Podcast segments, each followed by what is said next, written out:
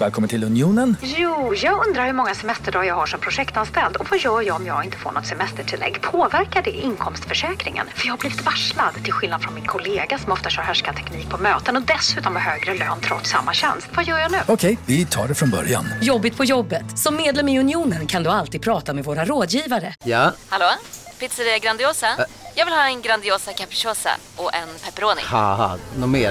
Med kaffefilter. Ja, Okej, ses samma. Grandiosa, hela Sveriges hempizza. Den med mycket på. Manchester United are going to make a substitution. Uh, number 14 is 17-year-old Ryan Giggs. Uh, Manchester United believe we may be seeing the start of a very special career here this afternoon. Giggs, the young Welshman, who caused such a stir when he signed for the club at the end of last year, getting an early opportunity to make his mark in the big league. Alex Ferguson has said that he's the most outstanding talent he's ever worked with of his age. Giggs.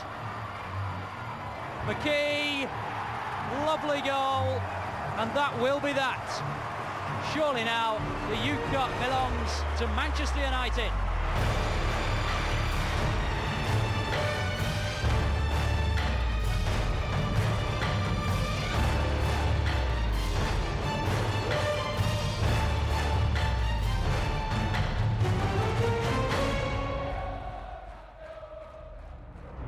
Idag ska vi prata om ett av världens bästa lag genom tiderna.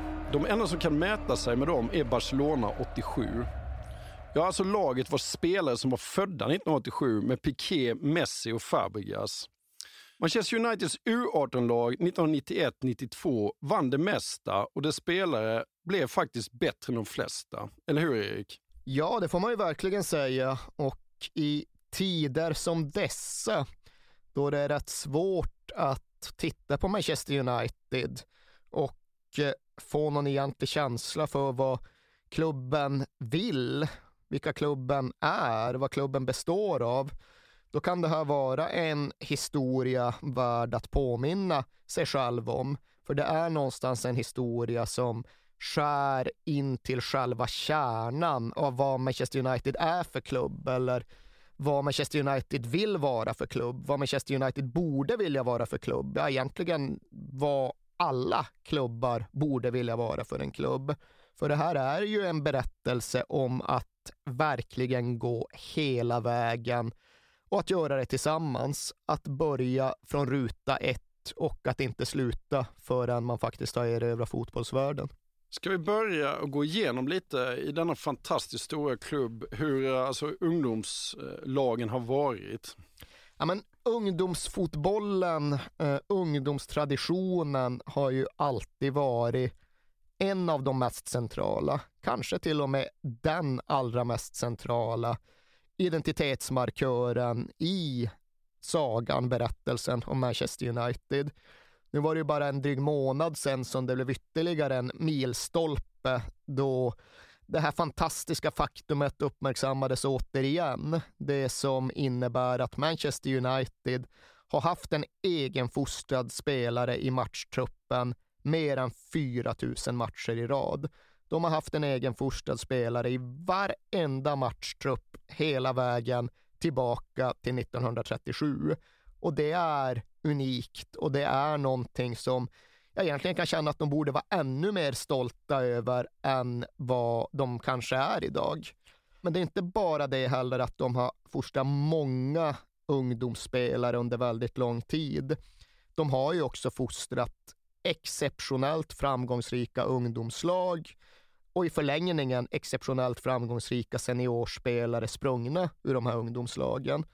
Du sa tidigare att det enda som kan mäta sig med Man Uniteds U18-lag från 91-92 eh, var Barcelonas lag med P87-spelare. Jag vet inte, för egentligen är det nog frågan om det inte är så att Manchester United i första hand tävlar mot sig själva i den här kategorin. Mm. Det går ju verkligen att argumentera för att deras 1950-talslag är det bästa ungdomslag som någonsin har funnits. För det här var ju precis när The FA Youth Cup, alltså ungdomsversionen av FA-cupen, först startade. Den eh, grundades 1952-53 och de första fem åren så vann ju Manchester United turneringen precis varenda gång. De var lika dominanta inom den engelska ungdomsfotbollen som Real Madrid var i den europeiska seniorfotbollen när ett nytt turneringsformat introducerades där. Och de var ju så överlägsna så att resultattavlorna bokstavligt talat inte räckte till. De vann någon match med 23-0 och under de här fem finalerna som de vann i svit gjorde de sammanlagt 33 mål. De gjorde alltså nästan fem mål i snitt i finalerna när motståndet borde vara som allra svårast. Och det här var då The Busby Babes som började spela tillsammans och som började växa ihop och som tog sina framgångar omedelbart vidare från juniorfotbollen in i seniorfotbollen. För när samma spelargrupp slog sig in och tog över Manchester Uniteds A-lag så var de precis lika framgångsrika även när de tävlade mot fullvuxna män. De vann den engelska högsta ligan 1956 och då hade de en medelålder på 21. Mm. De gjorde det igen året efter. Och man kan säga att ja, det var 1950-tal, det var andra fotbollstider. Ja, det var det, men det var absolut fortfarande så, eller det var absolut redan på den tiden så att de största klubbarna köpte spelare. Sunderland hade smeknamnet The Bank of England för att de värvade hej vilt. Så redan på den här tiden var det oerhört ovanligt att fostra fram en kärna av egenfostrade spelare som drev A-laget. Men det de gjorde var väl att de, de köpte in väldigt unga spelare?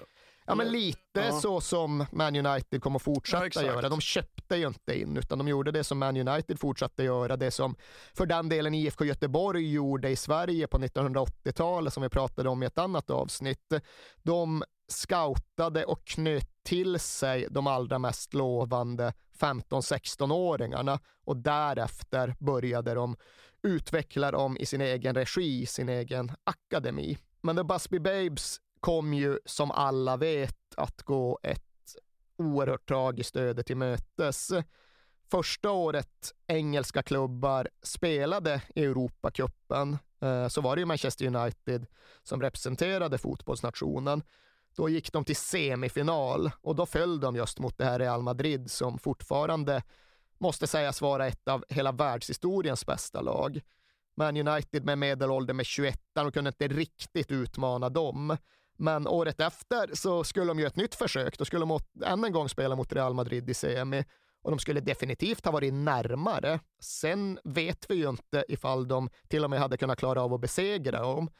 Och det var ju ett svar som fotbollsvärlden aldrig skulle kunna få. För på väg hem från kvartsfinalen i Belgrad så mellanlandade Manchester United i München och sen kraschade planet när det skulle lyfta igen. Och det är ju den enskilt mest definierande händelsen i hela Manchester Uniteds historia. Det är ju en av de värsta tragedier som drabbat fotbollssporten. För det var ju, jag ska inte säga framför allt, för det går inte att gradera människoliv, men i det här sammanhanget så var det ju framför allt åtta av de egna som dog där i München. Det var åtta av dem som hade fostrats i den egna ungdomsverksamheten och sen började spela A-lagsfotboll och sen var på god, och vä god väg att vinna allt som gick att vinna Det var ju David Pegg och Billy Whelan som hade varit med och vunnit den allra första upplagan av The FA Youth Cup tillsammans då med Duncan Edwards som ju än idag, de som såg honom spela påstår var, eller i alla fall skulle ha blivit, den bästa brittiska spelaren som någonsin hade funnits. Ja, det är han Bobby Charlton hänvisar till som den bästa han har sett. Ja, ja. men det är egentligen ja. alla som har sett honom eller spelat med eller mot honom som säger samma sak. Men där dog ju ett helt lag i den där kraschen och där hade ju såklart en hel klubb kunnat gå under. Men på något sätt så hittade Manchester United och framförallt Sir Matt Busby som ju överlevde styrkan att börja om från början och bygga ett nytt lag igen. Och än en gång gjorde de ju det på sitt eget sätt utifrån den egna ungdomsverksamheten och det egna utbildningssystemet. The beloved babes were born, came of age and then were lost in the snow of Munich. Mancunian Roger Byrne, one of the few survivors from 52, was appointed captain of the new side. Tommy Taylor, who came from Barnsley. But most of the new players, David Pegg, Mark Jones, Bobby Charlton, and Dennis Violet, had come up through the United youth team. One player, though, stood above all others from that all conquering youth side. His name was Duncan Edwards. 1964, då vann Manchester United DFA Youth Cup igen. Och många av de spelare som gjorde det var ju sen även med om att vinna Europacupen 1968. För där knöts ju sagan om The Busby Babes ihop. Där hade ju Sir Matt Busby och för den delen Sir Bobby Charlton lyckats gå hela vägen. De lyckades göra det som de var ämnade för att göra redan på 1950-talet, men som de sen behövde bygga upp ett helt nytt lag för att verkligen genomföra. De blev bäst av alla. De slog Eusebius Benfica i Europacupfinalen på Wembley och de gjorde det med åtta egenforstade spelare på planen och en nionde som den enda avbytaren.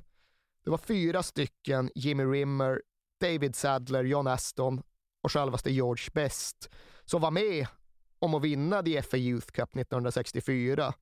Det var ytterligare fyra, Shay Brennan, Bill Folks, Nobby Styles och Brian Kidd, som också hade gått hela vägen genom den egna ungdomsverksamheten. Och så var det då Bobby Charlton, Sir Bobby Charlton, som faktiskt hade varit med på planen precis hela vägen.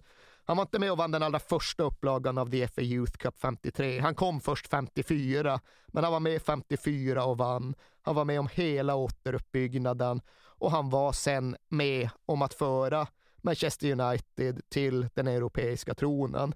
Och det är klart att hela den här episka sagan som både förde klubben ner i den allra djupaste av sorger och sen tog dem upp på den högsta av toppar. Det kommer ju alltid vara den allra mest centrala, den allra mest definierande epoken i hela Manchester Uniteds historia.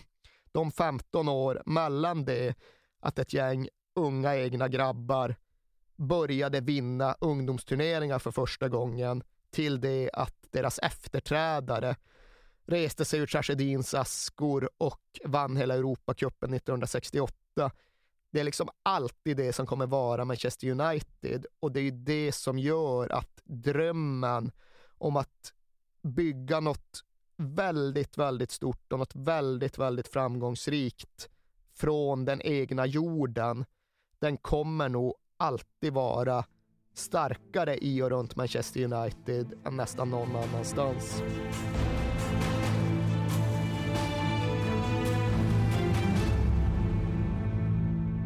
Om vi hoppar till eh, 1986 då, när eh, Sir Alex Ferguson kommer från Aberdeen och tar över United. Hur ser United och ungdomslagen ut då? Ja, men det ser ju ganska bedrövligt ut hur man än tittar på det och hur man än mäter. För seniorerna i A-laget, de har ju inte vunnit någon av de största bucklorna sen de lyfte den där Europacupen på Wembley 1968. Juniorerna i ungdomsverksamheten har inte lyckats vinna DFA Youth Cup sen George Best och de andra gjorde det 1964. Och när Sir Alex Ferguson tar klubben så identifierar han ju omedelbart detta som en av de allra största bristerna, ett av de allra mest akuta problemområdena. För det var tydligen någon kompis som frågade honom ganska tätt efter att han hade tagit över. Liksom, men ungdomsverksamheten då, det är något som både du och klubben alltid prioriterar. Hur ser det ut med ungdomsverksamheten? Vilken ungdomsverksamhet? He left me a shower of shit var betyget som Ferguson gav på den ungdomsakademi och den ungdomsverksamhet som företrädaren Rod Atkinson hade byggt upp. Och det här var ju någonting som han konfronterade de ansvariga med ganska direkt. Han kallade in de som skötte om ungdomsträningen i Manchester United och förklarade för dem att det här duger inte, det här måste bli bättre. Och Eric Harrison, som då var ansvarig coach på ungdomssidan, försökte ju instinktivt ändå försvara sig. Men senaste åren, jag har ändå tagit fram Norman Whiteside, jag har ändå tagit fram Mark Hughes. Det här är ju internationellt dugliga spelare. Ja, men det är inte bra nog. Jag förväntar mig mer och jag förväntar mig bättre, klargjorde Alex Ferguson. Och när Eric Harrison väl hade svalt stoltheten och börjat titta på hur saker och ting faktiskt kunde bli bättre, så kom han och Ferguson ganska snabbt överens om att det var egentligen inte förädlingen av begåvningar som det var fel på. Det var själva råmaterialet. Mm. Det var helt enkelt så att de ungdomar som Manchester United knöt till sig var inte begåvade nog. De var inte bra nog. Och Eric Harrison ställde ju då kontrollfrågan till Ferguson att ja, men, vet du hur många scouter Manchester United har här i närområdet och vet du hur många Manchester City har? Och när Ferguson fick höra svaret, som då givetvis inbegrep att Manchester City hade överlägset fler, så he was absolutely staggered, som mm. Eric Harrison uttryckte saken. Han var förstummad. För Manchester United hade fyra scouter i sitt eget lokalområde. Och det vet ju alla som kan någonting om den engelska fotbollen och dess bakgrund och dess eh, jaktmarker att området där i nordväst, som ju då inte bara inbegriper Manchester och Liverpool, utan som, ja, det är ett 50-tal klubbar inom en en och en halv timmes radie. Ja, de som känner till det, de vet ju att fyra scouter har ju ingen som helst möjlighet att täcka upp en tiondel av all den ungdomsfotboll som behöver bevakas. Sen, han berättade ju också Ferguson att när han eh, tog över Aberdeen så fanns det två scouter i, eh, i klubben. Och när han lämnade så var det 17 scouter. Och han, satsade, han ville ju verkligen satsa på det unga och egna. Det ville han och därför var han ju även där en ganska naturlig match för Manchester United. Men det fanns ju absolut ett inslag där av att han såg de unga som mest formbara. Han behövde just spelare som var beredda att gå ut i kriget, både för honom och för klubben. Och han hade ju alltid genom hela sin tränarkarriär en syn på att de känslorna, de var man tvungen att skapa, de var man tvungna, mm. tvungna att bygga underifrån. Det var väldigt, väldigt, väldigt svårt att köpa in de känslorna. Så han gjorde ju egentligen exakt samma i Man United som han gjorde i Aberdeen. Han tredubblade ju antalet scouter på bara en månad. Han såg dessutom till att scouternas bevakningsområde blev mycket större och han knöt ju till sig scouter och samarbetsklubbar i ja, egentligen Storbritanniens alla hörn, uppe i Glasgow där han själv kommer ifrån såklart, men uppe i Nordirland också, och i andra delar av England därtill. Så han utökade ju dels eh, nätverket och så började han ju dels ställa helt andra krav på dem. Han förkunnade att det räcker inte att du tar hit den bästa grabben från din gata eller från ditt kvarter. Vi ska ha den bästa grabben från din stad. Vi ska ha den bästa grabben från hela landet. Uh, för på den tiden så var det fortfarande tillåtet att knyta till sig ungdomsspelare från hela landet. Det får man inte idag. Idag så är det en geografisk begränsning att det ska vara just inom den där 90 minuters radien hemifrån som de ska rekryteras. Men han utökade nätverk, han ställde helt andra krav på dem som jobbade med ungdomsscouting och han blev även mycket mer personligt involverad. Och sen eller var han ju i högsta grad liksom personligen inblandad i eh, ja, den största ungdomsvärvningen de gjorde va? Ja, men det var ju här som det blev tydligt att någonting hade förändrats. För det fanns ju en kille i Manchesterområdet på den här tiden som de flesta tittade på och uppfattade att okej, okay, det här är en begåvning på en annan nivå. Det var en 13-åring som hette Ryan Wilson och när Ferguson fick höra talas om honom och när Ferguson åkte och tittade på honom så såg han ju också det där som alla andra såg. Det här är självklart liksom. Ja, det går inte att sia för tvärsäkert om 13-åringar, men jo, just den här killen kommer att lyckas. Det finns inga andra alternativ. Men kruxet var ju då att Ryan Wilson redan var knuten till Manchester City inte formellt, inte på så sätt att det fanns papper skrivna, för det var för tidigt för en 13-åring, men på så sätt att det var där han åkte och tränade efter skolan. Det var den tröjan han drog på sig. Men då gjorde just Alex Ferguson det som egentligen inga andra storklubbsmanagers gjorde vid den här tiden. Han åkte hem till grabbens mamma, en kvinna med efternamnet Giggs, samma dag som sonen fyllde 14 år. För då blev det juridiskt tillåtet att skriva kontrakt även med skolgrabbar.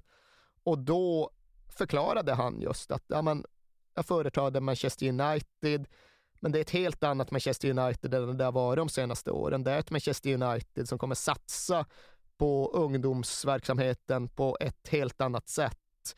Det är en klubb som kommer rekrytera på ett helt annat sätt och det är då en klubb där managern för A-lagsverksamheten kommer finnas med i grabbarnas liv och karriärer precis hela vägen. Nu kan Ryan Giggs, som han kommer att heta, skriva på för Manchester United samma dag som han fyller 14 och Alex Ferguson lovar, garanterar att han kommer finnas närvarande som just en typ av garant för hans utveckling under hela hans tonårstid. Och det var ju också en stor anledning till att Man United lyckades vända den här trenden där de var helt akterseglade på ungdomssidan. Alex Ferguson själv gick in och tog kommandot över framförallt rekryteringen. Han åkte ju på dussintals sådana här eh, föräldra-son-träffar där han verkligen såg till att prata med föräldrarna. Han var hemma hos Beckhams föräldrar också? Ja, ja, han var ju liksom hemma hos Keith Gillespies föräldrar, Robbie Sam var liksom överallt över hela Storbritannien egentligen. Och eh, han gjorde det framförallt för att övertala föräldrar och barn om att Man United var rätt val. Sen gjorde han ju det i någon utsträckning också för att själv kartlägga familjerna. Dels för att liksom se ja, men vilka förhållanden kommer den här grabben ifrån? Vad behöver jag veta om hans bakgrund för att förstå hur han fungerar? Och därtill också, hur ser hans farsa ut? För han är ju än idag helt övertygad om att ifall farsan är tjock så då innebär det att sonen också har fetma latent. Och då kommer det vara ett helvete att hålla honom i trim genom en hel karriär. Och han påstår att han bara gjort ett enda avsteg från den filosofin under alla sina år som tränare. Han har bara värvat en grabb vars pappa var tjock. Rooney? Jajamensan, för där gick det liksom inte att bortse från att det fanns en potential även under kaggen. Ryan, at 19 years old, uh, is without doubt one of the most talented, uh, brilliant young players uh, in this country, and we believe in the world. And we think very soon the world will have a new football hero. Ja, och han åkte ju dit på hans 14-årsdag, den dagen där, där han får skriva kontrakt. Ja, för vi kan ju bara redogöra lite grann kring hur just det här med engelsk ungdomsfotboll fungerade och var organiserat i skarven mellan 1980 och 1990-tal. Det var just det att när de fyllde 14 så då fick spelarna skriva på det som hette Schoolboy Forms. Det var liksom en typ av ganska löst reglerat avtal där grabbarna såklart skulle fortsätta gå i skolan, men där de i någon mån ändå samarbetade med eller ja, till och med tillhörde en specifik klubb. Det fanns ett kontrakt, det fanns en ersättning, det fanns en förpliktelse. När de sen fyllde 16, då fick de skriva på kontrakt som gjorde dem till så kallade apprentices, alltså lärlingar. Och när de var 17 så var det tillåtet att skriva på faktiska proffskontrakt, att göra dem till yrkesspelare. Och grabbarna vi kommer prata om i det här avsnittet, de är ju precis i det läge att de har fyllt 16 och de har skrivit på lärlingskontrakt. Och det var faktiskt ett ganska stort åtagande. Det var faktiskt rätt hårt slit att vara lärling i en engelsk proffsklubb på den här tiden. För till att börja med så förväntades de ju spela fotboll fem dagar i veckan. Eh, de förväntades vara på träningsanläggningen ja, egentligen från klockan åtta, halv nio på morgonen till ja, klockan 17 på eftermiddagen. Så det är absolut åtta timmars dagar. Och det var ju för att utöver själva fotbollsträningen så förväntades de ju därtill hålla ordning på anläggningen. Det ingick liksom i åtagandet att de skulle skrubba A-lagsspelarnas skor och de skulle skura omklädningsrummen och duschutrymmena och de skulle städa alla tränares kontor och de skulle göra allt det där hundgörat som var en del av paketet på den här tiden. Och var det så att Eric Harrison, då den främsta ansvariga tränaren, inte var nöjd med hur duschutrymmet hade skrubbats klockan 16.30, ja, då fick alla vara kvar tills det var gjort ordentligt och innan de sen blev ivägsläppta. Så det kunde vara åtta timmars dagar, det kunde vara tio timmars dagar och lönen de fick var i grunden 29,50 i veckan, alltså knappt 30 pund, lite drygt 300 kronor. Sen fanns det lite extra pengar att hämta. var 8 pund i vinstbonus för de flesta matcher. Som kom väl upp i en, ja, 2000 spänn i månaden någonting. Mm. Det var den ersättningen som spelarna fick. Ja, jag vill bara säga också för att när jag läser om, om deras liv där så att vi som en gång i tiden har gjort lumpen, detta är, det känns väldigt mycket lumpen. Det är regler och hårt och det är, det är liksom tider som ska passas och det är stenhårt helt enkelt. Ja, även för oss som inte har gett lumpen så är det ganska lätt att fastna i den parallellen. Sen ska det väl också skjutas in att de var inte fotbollsspelare riktigt på heltid och det var inte bara för att de skrubbade bollskor i fyra timmar om dagen, utan varje torsdag så var det fortfarande ändå obligatorisk skolgång och spelarna själva delade upp de två potentiella skolorna mellan den vanliga skolan och The Stupid College. De som inte hade så bra betyg, de fick åka till The Stupid College mm. i Manchester och de som hade hyfsade betyg med sig, de fick åka till någon skola i Accrington och läsa något lite mer avancerat. Men hela torsdagarna var då vigda åt skolgång. Men alla andra dagar i veckan, förutom söndagen, de dagarna tillbringades ju på det som på den här tiden var Manchester Uniteds enda träningsanläggning, The Cliff, mytologiska The Cliff. Och det var då alltså så att där fanns A-laget och där fanns reservlaget och där fanns då lärlingarna som i grund och botten var uppdelade i ett A-lag och ett B-lag. Och tanken var väl i grunden att A-laget var för 17-åringarna, alltså de som hade varit där i ett drygt år redan, de som antogs ha hunnit lite längre i utvecklingen, medan B-laget i första hand var för 16-åringarna. Men sen så var ju det där väldigt flytande. Var det någon talangfull 16-åring så gick han upp i A-laget och var det någon som hade lite kämpigt bland 17-åringarna så hamnade han i B-laget. Men det där enda klubbhuset på The Cliff det var också uppdelat precis på det sättet. A-laget hade ett omklädningsrum, reserven hade ett och lärlingarna hade ett. Och allt det var på bottenplan. Där fanns det även en bastu och ett skorum. Och sen hade då tränarstaben sina kontor på övervåningen. Och där fanns det stora panoramafönster som blickade ner över den enda gräsplanen som då fanns på Manchester Uniteds träningsanläggning vid den här tiden. Det var inte 14 syntetmattor, utan det var en gräsplan. Och det innebar ju att de tränade inte jätteofta där. De åkte oftast iväg till en annan träningsplan i närområdet för att bara spela matcherna på den faktiska planen på The Cliff. Men där var det ändå så att när inte tränarna orkade släpa sig ut i planen, då stod de uppe på sina kontor och bankade i panoramafönstren när de inte var nöjda med det som hände där nere.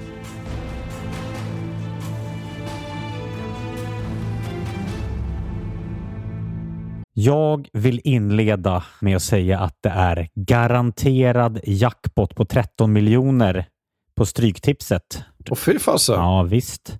Skulle du behöva 13 miljoner eller? Ja, det skulle jag verkligen. Men vi måste säga först att vi är ju sponsrade av Stryktipset. Ett spel från Svenska Spel, Sport och Casino för dig över 18 år. Yes, och stödlinjen.se finns där för dig om du har problem med ditt spelande. Nej, men 13 miljoner ja. jackpot på Stryktipset, det är ju inte fel. Nej, då är det faktiskt dags att ladda en rejäl rad här känns det mm -hmm. så. Vet du vad som inte heller är fel? Nej. Födelsedagsfirandet och alla härliga mm. historier vi får in. Exakt, mm. för vi är ju mitt inne i Stryktipsets 90-årsfirande som vi firar med att läsa upp fantastiska historier från våra lyssnare. Yes. Som skickar in dem till kings at perfectdaymedia.se. Precis, bomba på nu. Det är åtta månader kvar på det här firandet, så att, eh, vi kör nu. Mycket Stryktipshistorier vill vi ha. Mm. Och i dagens har vi fått från Peter som skriver så här. Hej på er och tack för en helt otrolig podcast. Den har räddat mina veckor i snart fyra år. Tack så mycket Peter. Min historia är ganska färsk, men den om när det vände på stopptid gav kanske inte de största pengarna, men känslan i mig består. Jag spelar ofta för lite mindre pengar på Stryket, följer fotbollen men långt ifrån en nörd. Och allt såg väldigt bra ut senast, förutom på min etta på Manchester United mot Brentford. Mhm. Var, ändå väldigt, eh, var ändå väldigt nöjd med hur resten satt. Men på stopptid satte min nya favoritspelare, skotten McTominay, två mål och vändningen fullbordades. 64 rader blev 12 000 kronor. Tack för en bra Det är podd. otroligt. Ja. Tack för en bra historia Peter. Ja, och som man älskar Scott McTominay. Gör man inte det? Ja, det- gör man faktiskt. Han liksom kommer in i straffområdet jävligt bra faktiskt. Mm. Vi säger stort tack till våra vänner på Stryktipset. Tack.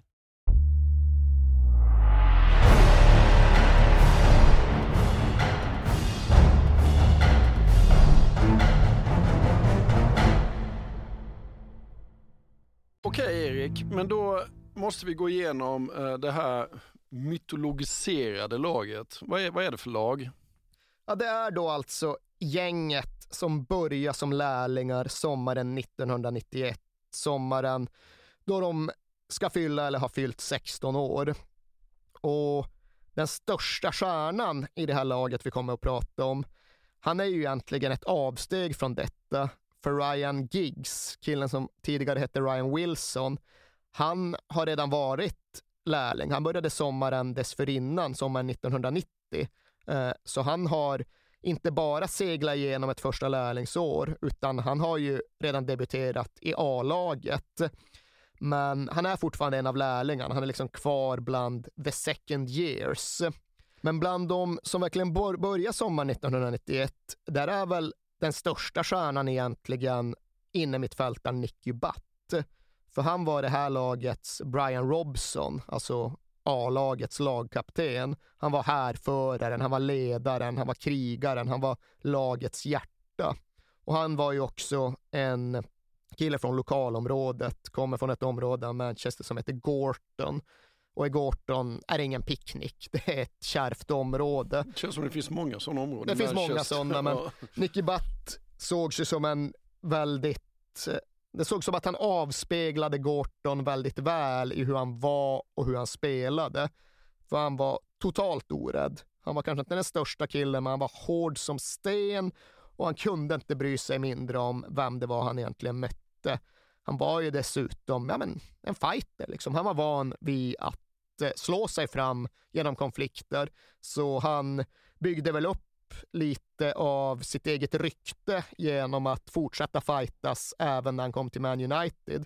Han ska ha sänkt Keith Gillespie i duschen en dag på ett sätt som gjorde att han fortsatte leva upp till det smeknamn som han tydligen själv gärna lanserade. One knock butt. Ett slag räcker för Nicky Butt. Giggs, Cantona pulling away from Albert again. Not uh, coping with the quality of his work off the ball, let alone what he does when he's in possession. And here's another one. Beckham's cross. And Nicky Butt flying in with the header. Well, if this is only a curtain raiser, Martin, for the rest of this season, what have we got to look forward to? That is a magnificent goal. Again, we talked about the passing. Wonderful pass, cross field for Cantona's run. Now watch this for a drilled cross.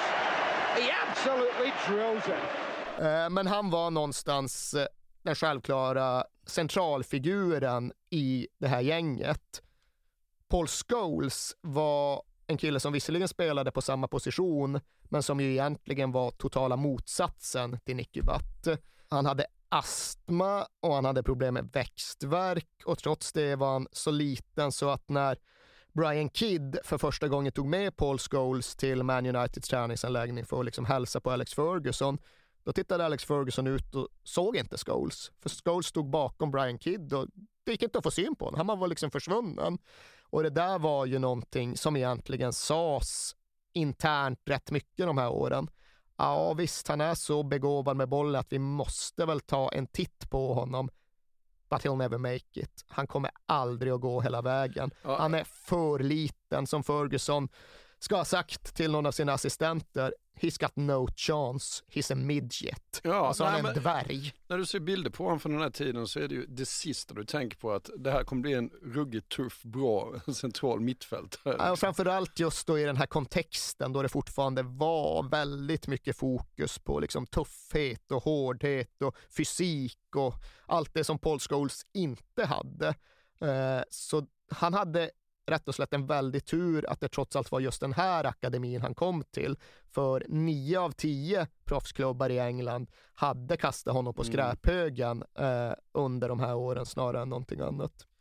Vad hade vi mer då? Eh, ja, Gary Neville. eh, han var ju inte särskilt begåvad vad gällde att hantera en fotboll, vad gällde att slå öppnande passningar, vad gällde att verkligen sticka ut genom sin förmåga. Han var underlägsen alla andra vad gällde just att faktiskt hantera bollen. Men han var hyperambitiös och han var en tydlig ledarfigur. Han var ju faktiskt också, precis som både Nicky Butt och eh, Paul Scholes, en kille som de hämtade från en pojkklubb som heter Boundary Park Juniors uppe i Oldham, nordöst om Manchester. Den lilla klubben fortsatte inte bara de här tre, utan en fjärde grabb som kom sommaren efter de här tre, Phil Neville. Så Boundary Park Juniors, de hade faktiskt ett eh, väldigt betydande finger med i spelet när det här laget växte fram. Som sagt, alla de här, bröderna Neville, Paul Scholes, Nicky Butt, för den delen även Ryan Giggs, de var ju lokala killar. De kom från närområdet. De kom från olika delar av Manchester. Men sen fanns det ju även den här verksamheten som du var inne och snuddade vid tidigare, där klubben försökte knyta till sig de största talangerna från hela Storbritannien. Så på loven kom det grabbar från helt andra delar av landet. Och ett sommarlov så var det ju en kille som kom ner till träningsplanen med Alex Ferguson och han hade gelé i håret och han hade den nyaste träningsoverallen och han pratade dessutom cockney-dialekt. Det var uppenbart att han kom från London och de här Manchester-killarna bara, alltså, vem är den här stekartönten? Och det fanns ju en misstänksamhet mot David Beckham som det var frågan om. Det fanns ju med historien om att ja, men han har fått specialbehandling. När A-laget spelar nere i London, ja, då får han gå dit och liksom komma in i omklädningsrum och prata mot dem. Så det var en skillnad på David Beckham när han skrev in sig i Manchester United på heltid den här sommaren. Det var något annat än de här grabbarna som kom från Manchesterområdet. Det var inte så att han var ensam med den bakgrunden. Det här var ju som sagt en sommar då bland annat då Keith Gillespie hämtades från Nordirland och Robbie Savage hämtades från Wales. Men det var absolut ändå så att David Beckham kom med en aura. Det var en grabb som på något sätt inte riktigt var som de andra där. Om vi går vidare till deras största, första framträdande så är de på Nordirland och spelar cup va? Ja, det är faktiskt det allra första de gör. De åker upp till Nordirlands nordkust för att spela turneringen som heter Milk Cup och det är då en, jag ska inte säga att det är som Gotia Cup för det är mycket mer småskaligt, men det är då en en ungdomsturnering med lite internationell prägel. Främst brittiska klubbar, men jag tror Dynamo Kiev var med det här året och några andra liksom specialinbjudna gäster. Så den allra första matchen The Class of 92 spelar tillsammans. Det var mot Ballymena United från Nordirland i den här turneringen. De vinner den med 1-0 och sen är den andra match de spelar mot isländska Akureyri och där vinner de med 9-1. Så där börjar de väl ändå få lite lyft och lite fläkt. Men när det väl var dags för slutspel så föll det sig så att i kvartsfinalen så skulle de möta Liverpool. Och Liverpool var ju då som nu Man Uniteds absolut största rivaler. Då som nu, får man faktiskt också säga, den klart dominanta av klubbarna. De eh, hade vunnit den engelska ligan året dessförinnan och då trodde man ju inte att det var sista gången de skulle göra det på 30 år. Då trodde man att det bara var en titel i mängden. Och de kom till den här matchen med bland annat underbarnet Robbie Fowler i laget. Och det var en stor match, en viktig match, någon form av vägvisa match och det var ett så pågående bråk inför en om vilka som egentligen skulle få ha röda tröjor. Och det, den fighten vann Liverpool, men fotbollsmatchen vann ju Man United stort. De vann med 4-1 och de var helt överlägsna. Och David Beckham var kapten och drog dit en straff. Men den stora stjärnan den, i just den där matchen var faktiskt Keith Gillespie som gjorde hattrick. Det är från Nordirland också ju. Exakt, mm. eh, tillbaka på sin egen hemmaplan. Beckham fick ju frågan eh, efter karriären, om man, om man, kommer du ihåg Milk Cup? Ja för fasen, det är den enda gången jag har lyft bucklan som lagkapten. Mm. Sen hade jag ju för sig en lite snårig väg till att lyfta den där bucklan. För i semin så mötte de skotska Motherwell och då var det ingen picknick. Det var ingen, ingen lätt match att bara blåsa bort Motherwell av banan. Utan stod och vägde mållös jättelänge och sen får Man United straff och kapten Beckham ska göra som han gjorde mot Liverpool, bara gå fram och dra dit bollen. It was a traumatic time for young Beckham in the semi-final. As he missed the penalty. That took the game into a penalty shootout against Motherwell. Men han missar, målvakten räddar. Och tydligen är det så att Nobby Styles som coachade laget i just den här turneringen, Nobby Styles som ni borde minnas som den stenhårda, tandlösa terrierkrigaren som var med och vann VM med England 1966. Han blev svinförbannad. Lite oklart om han bara var sur för att Beckham hade missat eller om han tyckte att han hade gjort något fel. Men han ville i alla fall göra en förändring. Så han gjorde det som flera seniortränare skulle komma och göra efter honom. Han satte in Paul Scholes på inne mitt och knuffade ut Beckham på högerkanten. Och då blev tydligen Beckham jätte jättesur. Mm. Han tjurade ihop totalt och Stiles blev helt rasande för han tyckte då att det var en väldigt begåvad spelare som svek sig själv. Men den där semifinalen mot Motherwell, den avgjordes på straffar och efter att, i alla fall enligt Nobby Styles, har tjurat bort hela förlängningen så tar ändå Beckham sig själv samman, går fram, tar bollen, slår en straff och nitar dit den i straffavgörandet. Och då tyckte väl ändå Nobby Styles att okej, okay, ja, någon mental tuffhet har han kanske ändå, den här jävla tjurkillen. Men det var dramatiken egentligen i den allra första turneringen de spelade. För sen när det var dags för final mot Hearts, då var det under kontroll. Man United vann med 2-0. Robbie Savage gjorde ett mål och Ben Thornley gjorde det andra. Och jag sa tidigare att från början var det kanske Nicky Butt som var den stora ledaren i det här laget och det var David Beckham som var kapten här och som hade någon aura runt sig. Men det var Ben Thornley som de allra flesta såg som det mest självklara löftet. En ganska så elektrifierande ytter som var lite som Ryan Giggs fast ett år yngre. Han kunde gå förbi på båda sidor, han kunde utmana, han kunde slå inlägg och han kunde kanske framförallt göra mål.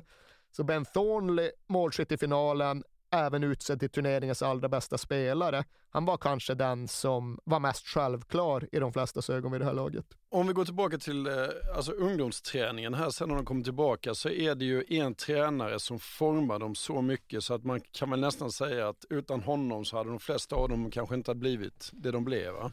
Ja, nu sa vi att det var Nobby Styles som hade laget i just den här turneringen på Nordirland, men det var ju Eric Harrison som var deras huvudtränare. Det var han som tog hand om laget i vardagen. Det var han som skulle följa dem genom lärlingstiden och det var han som skulle göra både folk och fotbollsspelare av dem.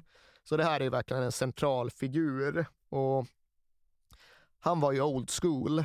Han hade varit en halvhygglig spelare, men vars kanske främsta merit från spelarkarriären var att han hade spelat under Brian Clough, den mytologiserade managern som hade vunnit Europacupen och han hade tagit intryck av Brian Clough. Han var auktoritär. Han trodde någonstans på management by fear och han satte ju sig omedelbart i respekt hos de här unga grabbarna. Ryan Giggs brukar berätta om hur han verkligen liksom gjorde en poäng av att försöka krossa fingrarna på tonårsgrabbar när de skulle skaka hand. Kovare handshake?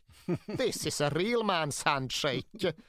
Och David Beckham när han sitter, han gör ju så här ibland, han sitter och liksom har återblickar om hur allt började och hur allt var under tonåren. Han säger det ser Eric Harrison på senare år, när han var liksom gammal, när han var skröplig Ripley när han var liksom 75 år gammal. Instinktivt var han fortfarande rädd. Varje Ja. gång han såg den där gamla, liksom rädsla är hans första känsla. Och Eric Harrison, han var ju den där typen av figur som kom in i gymmet när grabbarna hade sina styrkepass och la sig på bänkpressmaskinen och maxade den. Liksom bara för att låta folk veta att det här kan jag göra. Och det här kommer du att få känna på ifall du någonsin skulle få för dig att utmana mig eller att försöka med någonting. När han liksom skickade av folk från träningarna, vilket han tydligen gjorde mest hela tiden, då gick han sen bredvid dem, liksom stirrade dem i ögonen hela vägen ut från planen. Bara, "Ah, "Nå- något att säga? Är det något? Ska du gå av eller vill du något? Liksom? Och det var några som försökte säga emot ibland och det gick ju alltid åt helvete. Och det var några som försökte utmana honom, men det slutade ju alltid med att de backade. Och en dag var det så att Eric Harrisons fru var med och skulle kolla på träningen, eller egentligen bara vänta ut träningen eftersom att de tydligen skulle åka och shoppa efteråt. Och när Eric Harrison sedan sätts i bilen för att åka därifrån så möts han av en helt förstummad fru. Liksom, vad, vad är det? You're a disgrace! liksom, skulle, du uppföra, skulle du behandla dina egna barn på det där sättet? Är det så här du håller på? Och ja, det var så där han höll på. Sen var det såklart inte bara så att Eric Harrison var en tyrann som stod och skrek och som var beredd att slå ner folk som inte lydde honom. Utan han hade ju till att börja med en förmåga att göra spelare till det de i England beskriver som competitors. Eh, I Sverige är väl kanske vinnarskallar det närmaste vi har, men sådana som liksom klarade av tävlingsmomentet, som alltid gick ut för att inte bara prestera, utan för att verkligen vinna. Och när han samlade det här laget för deras allra första träning ihop så var tydligen det första han sa att ja, men, ni har en chans, men det är bara en chans och det är att lyssna på mig. Om ni inte gör det, ja, då är det över innan det börjar. Det är inte förhandlingsbart. Det är så det är ifall ni ska vara här. Och ibland så har ju han också svarat på vad det var han försökte göra under den här tiden. Hur han tänkte, hur han värderade, hur han prioriterade. Det absolut viktigaste som Eric Harrison själv tyckte att han lärde sina elever, det var att to wear the United badge meant you had to win the fight. Ska man ha Uniteds klubbmärke på sig, ja, då måste man först klara av att vinna striden, kampen. Sen kan man börja spela. Och som man också brukade säga, if you wear that badge and you're not competing harder than your opponent, I'll drag you off and you'll never wear it again.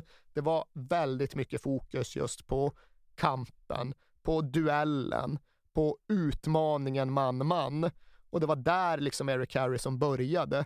Först skulle han sätta det, sen kunde de börja spela fotboll. Och sen var det var ju precis det här Alex Ferguson efterfrågade också. Han älskar ju disciplin mer än någonting annat. Och det här var disciplin, alltså det, det, jag pratade om lumpen tidigare. Det, han betedde sig som en amerikansk drill, eh, drill sergeant liksom. Ja, nej, det kanske är en mer eh, rättvis koppling. Eller för den delen, ah, han betedde sig som en fotbollstränare från kanske framförallt norra England och eller Skottland i skarven mellan 1980 och 90-tal. Så här var det. Mm. Det här var den brittiska fotbollen på den gamla tiden. Det var ju Eric Harrison och det var Alex Ferguson och det var Fergusons assistent som på den här tiden hette Archie Knox. Harrison var från norra England, Ferguson och Knox var från Skottland och de pratade på samma sätt, de hade dialekter som var svåra att förstå, de hade en attityd som liksom genomsyrade träningsanläggningen och kom att gå igenom hela klubben. Det var, det var kravbild för att Mm. uttrycka sig försiktigt. Men det var ju också coaching. Även om Eric Harrison började med att kräva tävlingsvilja och kamplust så lämnades ju inte spelarna med det, utan Alex Ferguson brukade ju själv gå ner till 16-åringarnas träningar och titta. Han brukade dessutom skicka ner sina A-lagscoacher, ja, men till exempel då assistenttränaren Archie Knox, för att faktiskt driva passen ett par, tre kvällar i veckan. Det brukade ofta vara, om det var måndagar och tisdagar då A-lagstränarna var nere och körde. Och det innebar ju såklart att de fick ju även väldigt hög kvalitet på själva träningen, i alla fall i en jämförelse eh, gentemot andra brittiska klubbar på 1980-talet. Och där var det ju någonstans ändå passningstempot som prioriterades. De här spelarna de skulle klara av att ha ett eget bollinnehav och det kanske inte såg ut som Barcelonas, men det bestod av att just snabbt kunna skicka bollen vidare och få med sig farten framåt i planen. Och det de tydligen brukade mässa om oerhört mycket, det var ju att även om det går snabbt så ska ni alltid hinna skanna av spelfältet innan ni tar emot bollen. Det är liksom, de brukar prata, ah, kommer ni ihåg hur det är på träningsplan? Alltid check there, check there. Man skulle alltid kolla både ena axeln och andra axeln innan bollen kommer. Det var till exempel det som ja, dels Paul Scholes hade väldigt naturligt, men som han även utvecklade under de här åren och som sen egentligen förde honom genom, genom hela hans glimrande A-lagskarriär. som han var otrolig på. Ja, men det är just att, ja men vad försökte de få spelarna att göra? Ja, de försökte få dem att spela som Paul Scholes när de själva hade bollen. Och det är klart att det såg lite annorlunda ut beroende på om du var ytterback eller ifall du var yttermittfältare. Men lagets hjärta inne mittfältet där ville de ju verkligen ha en Paul Scholes-typ. Och det är klart att det var även det som gjorde att han skulle komma att lyckas just i Manchester United, där han förmodligen hade misslyckats på väldigt många andra ställen. Scholes! Not now they're not. Chris Pedder down into the corner and they pull back to one goal apiece. Gem of a cross from Dennis Irwin, just inviting a thumping header, and that's precisely what it got. 20 years of age, Paul Scholes born a goal kick away from Old Trafford in Salford, and with a real eye for goal. Ska, ska vi eh, berätta lite hur de bodde också? Ska vi prata lite om The Digs? Apropå det där med att dra lumpar paralleller. Eh, Här är det ju verkligen så att jag som såg till att undkomma värnplikten ändå sitter och tänker att fan så här måste livet på luckan ha varit. För det var just de här killarna som kom utifrån, de som inte kom från Gorton eller Berry eller Salford, som fick lov att bo inkvarterade hos värdfamiljer. Och på den här tiden så var det inte så att man hade en egen värdfamilj. Det var inte så att man delade två och två, utan oftast var det i alla fall fyra spelare som bodde tillsammans i en värdfamilj. Och i den här kullen så bodde till exempel David Beckham på ett ställe som låg på Lower Broughton Road, medan flera av de andra, Keith Gillespie, Robbie Savage, en grabb som hette Adrian Doherty som vi ska återkomma till, de, byggde, de bodde på det allra mest klassiska Man United-stället, Brendas på Priory Avenue, några få minuters gångväg från träningsanläggningen på The Cliff. Alltså det stället som värdtanten Brenda Gosling basade över. När man lyssnar på hur de faktiskt hade det i The Digs, hur de faktiskt bodde, så är det inte så att jag längtar dit, det kan jag inte påstå. Det var ju extremt grabbigt och det var porrfilmer och det var tävlingar i att äta flest rostbröd och det var en massa korkade macholekar. Och dessutom var det ju så att de här ställena, de här inkvarteringsbostäderna, de låg ju just nära träningsanläggningen, för den delen rätt nära Old Trafford också, men de låg i Salford och du sa tidigare att ja, det finns rätt många delar av Manchester som skulle kunna beskrivas som tuffa. Salford är tufft. Och just den här delen av Salford är kanske extra tufft. Och flera av de här spelarna har ju liksom i efterhand reflekterat, men var det så jävla bra att sätta oss just där? För det var inte så att alternativen var så där jättemånga. Det var inte så att det fanns så där speciellt mycket att göra. Och det var ju därtill så att spelarna efter ett tag knappt ens vågade gå ut fanns en grabb från en annan årskull som hette Julian Majorana och han brukar dra storyn om hur hans, på sin allra första dag inkvarterad i Salford, kom ut och så såg han två, tre snubbar hoppa ur en bil med kofötter och börja jaga dem. Gary Neville brukar också dra en sån där historia, hur de en dag satt nere på, hos Bookin, alltså på spelbutiken och det kom in någon bara, fan, vem som än äger den här svarta golfen utanför bör kanske gå ut och kolla läget. Nu är Gary Neville svarta golf, han har hunnit fylla 18 när det här händer. Gå ut och kollar. Ah, ett gäng med liksom killar med rakade huvuden som står och slår sönder rutorna och försöker komma åt bilradion. Gary Neville försökte konfrontera dem och det gick väl sådär. Men hela det här helhetspaketet var väl just att ja, de var utlämnade till livet på luckan, livet i the digs och dra ihop ett gäng 16-åriga grabbar som drömde om att bli fotbollsspelare och som var väldigt långt hemifrån och som inte kände att de kunde gå ut för att det var farligt där ute, ja, då kan det bli rätt klaustrofobiskt för vissa. Ja, det låter ju så. Ska vi prata lite om dryckeskulturen i United också? Ska vi börja här när, när Alex tar över? Ja, men det hänger väl lite ihop också just för att sätta miljön som den var inom engelsk fotboll på den här tiden och som den var för de här unga grabbarna. Det var extremt auktoritärt på träningsanläggningen.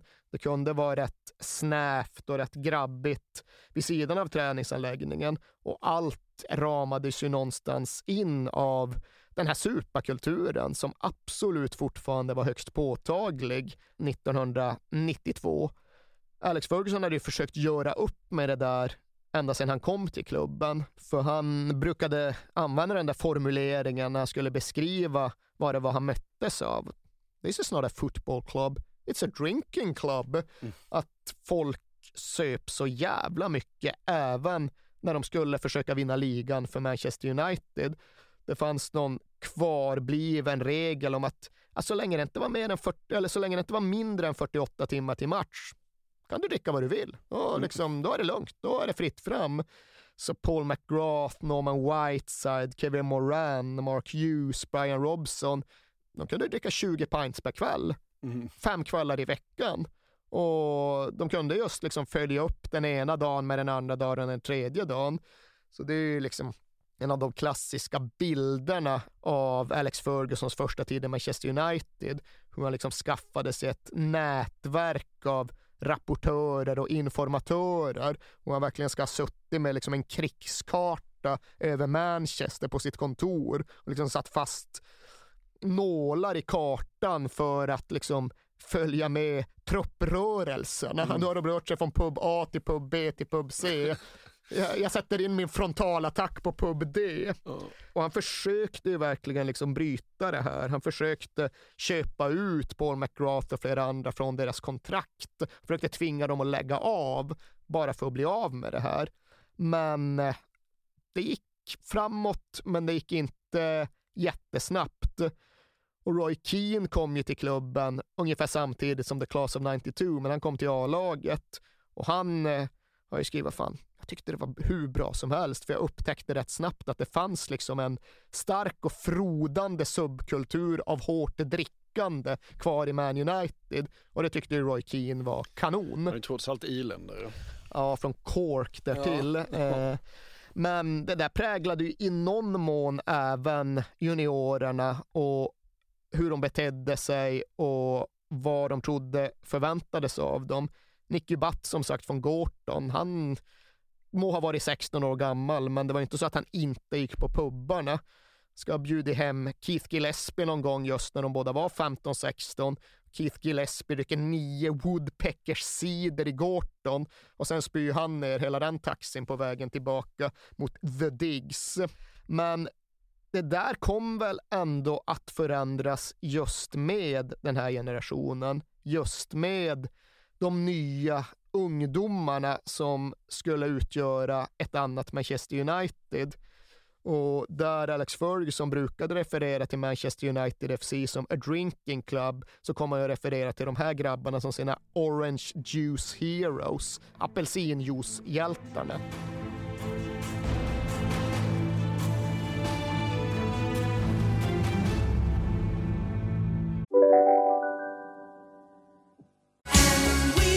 Just nu till alla hemmafixare som gillar julast låga priser. En slangvinda från Gardena på 20 meter för vattentäta 499 kronor.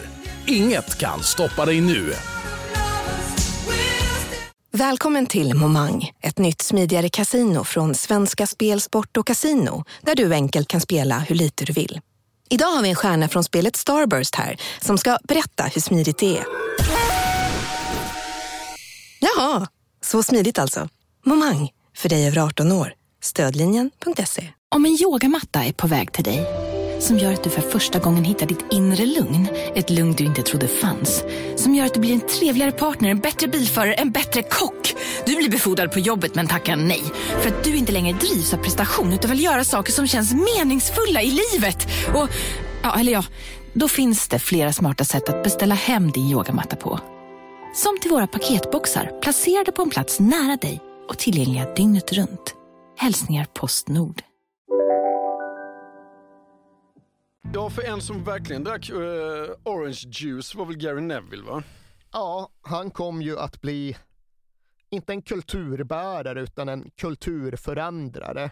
Han kom att föra sig på ett helt nytt sätt för att vara en lovande Manchester United-ungdom. För han var, om inte annat, väldigt rättvis i sin egen självbild. Han förstod ju tidigt att ja, men jag har inte begåvningen som Ryan Giggs har eller som David Beckham eller Paul Scholes har. Ska jag kunna hävda mig så måste jag ha något annat och jag måste lära mig och jag måste bli bättre. Så han drog ju det här med liksom professionalism i unga år till nivåer som engelsk fotboll aldrig tidigare hade sett. Han var en extremist, för det var inte nog med att han absolut inte drack en droppe under hela sin ungdomstid. Han drack absolut ingen alkohol. Och där det för A-lagsspelarna hade varit fritt fram att dricka precis vad de ville fram till 48 timmar före match, så hade Gary Neville en rutin där han 48 timmar match alltid gick och la sig prick klockan 21.15 båda de två kvällarna som ledde fram till avspark. Och inte nog med det, liksom i den stora bilden så gjorde han ju det som faktiskt är rätt liksom häpnadsväckande. Han tog det medvetna beslutet att säga upp bekantskapen med alla sina gamla kompisar som inte var med i Man Uniteds akademi. För så som han såg på världen och så som han såg på sin utveckling så tyckte han inte att det var kompatibelt för honom som idrottsman och fotbollsspelare att umgås med grabbar som inte var det. Och som sagt, han kom ju inte från London eller från Nordirland. Han kom från Berry. Han bodde mm. kvar hemma. Han träffade hela tiden sina gamla kompisar, men han vägrade umgås med dem. Nej, mm. ni ska göra vad ni nu gör. Jag ska hem och lägga mig 21.15. Sen ska jag fokusera. Och han hade liksom inga ambitioner överhuvudtaget och liksom träffa tjejer. Han träffade inte en tjej. Nej, precis. Mellan... Det var helt otänkbart också. Ja, nej, hela sina tonår. Hon kanske vill göra någonting. Ja. Det går ju fan. Ja, det går exakt. Uh, och grejen här är väl mycket att så som Man United var på både A-lags och ungdomsnivå, så som engelsk fotboll fortfarande var på den här tiden. Alltså det var ju någonstans en nästan skolklassstämning. Det var någonstans att det, det var liksom inte coolt att anstränga sig för hårt. Man skulle inte plugga i skolan. Man skulle inte träna i fotboll. Man skulle bara vara bra och man skulle kunna dricka 23 pints och sen ändå prestera på helgen. Det var någonstans det som var kulturen. Och Gary Neville, han identifierar ju liksom jättestora brister i sig. Ja, men jag måste bli bättre med vänstern. Så han ställer sig på träningsanläggningen där Cliff och liksom bara nöter vänsterfot mot någon jävla mur två timmar om dagen när de andra grabbarna har gått in från träning och sitter i omklädningsrummet. Och han blir ju liksom hånad. De står ju där genom fönstret och bara, fan, tränar du? Tränar du extra? Vad är det här för någonting? Och det var ju framförallt eh, grabbarna som då var ett år äldre, de som hade börjat sommar 1990 och var second year apprentices. I den årskullen så fanns den här gamla kulturen att ja, men, det ska bara vara naturligt. Det är okult att anstränga sig, det är okult att försöka, det är okult att ha brister som du behöver slipa på. Så där blev det så att liksom Eric Harrison, hård som han var, han kände sig ändå ett behov av att liksom kalla in Gary Neville och fråga, alltså, är det okej? Okay? Blir du mobbad liksom? Mm. Funkar det här eller? Och ja, nej men det är lugnt liksom, det är vad det är.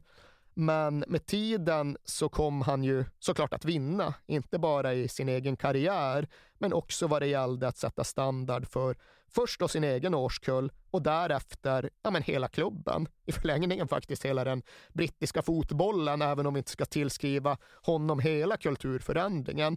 Men i The Class of 92 så blev det liksom hans linje som gällde. Det blev inte som The Class of 91 som ingen jävel har hört talas om. Just ett gäng grabbar som mest bara häcklade varandra och slängde käft och sen försvann utan att göra något avtryck. Utan här blev det just prestige och status och rimligt och vettigt att träna hårt, att försöka bli bättre, att stå och nöta med vänsterfoten mot en betongmur på The Cliff i två timmar ifall nu det var det som behövdes. Sen var ju Gary Neville, han hade ett jäkla psyke också. Och han var, jag tyckte det var så intressant att läsa om det för att han Eric Harrison säger att han borde ju egentligen inte blivit så bra. Han är ju verkligen, tack vare sin disciplin så blev han den han blev. 100% träningsprodukt Ja, ja. och det är fortfarande så att man tittar på Gary Neville och hela hans karriär som ju sträcker sig över 20 år. Det är fortfarande ganska oklart vad han egentligen var bra på. Liksom, vad var hans starka attribut? Ja.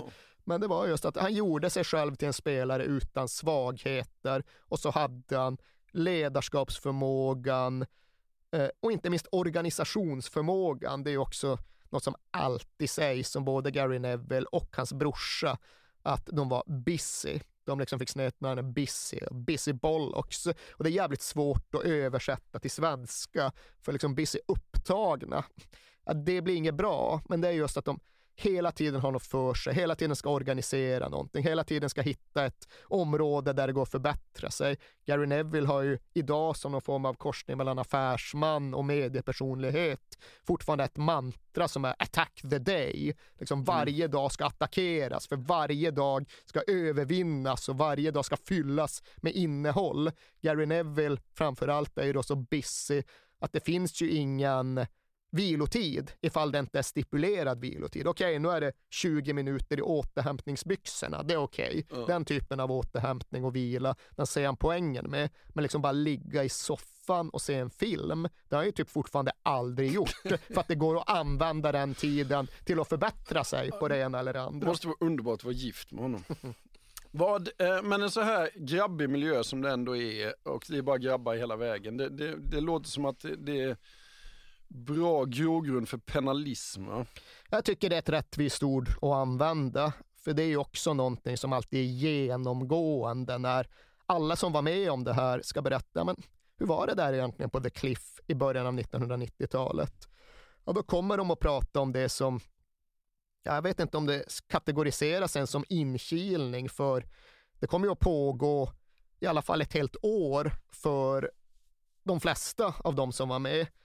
Det var rätt och slätt ett system där i någon mån även A-lagsspelarna, men framförallt då andraårslärlingarna, hade fritt mandat att inte bara hacka på utan liksom bestraffa förstaårslärlingarna, utsätta dem för ren och skär penalism.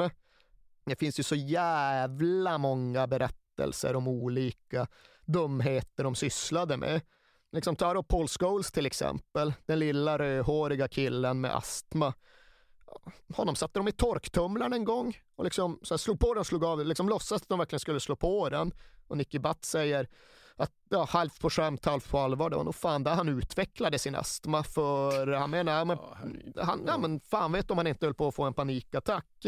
En annan gång, det gjorde de med fler på Nicky Butt också. Nicky Butt var ju en hårding så ingen gick fri. Men de knölade ner Butt och andra gången Paul Scholes i någon form av jävla eh, materialtrunk, stor jävla trunk. De låser den med hänglås och konkar ombord den på spelarbussen. Och där får man ligga till, ja, fan vet hur länge. Och sen var det ju, ja men, bara mer så här simpla tölpaktiga grabbigheter. Det skulle ju utföras sexuella handlingar på bilder av den solbrända A-lagsspelaren Clayton Blackmore. De hade fler sådana där, de hade Chat em up och de hade Shag the bed och de hade The lap och de hade The bong och de hade så jävla många just penalistiska riter som innehöll en jävla massa skit liksom. Mm. Och alla de här är ju överens om att idag skulle det aldrig kunna förekomma idag skulle det klassas som mobbing.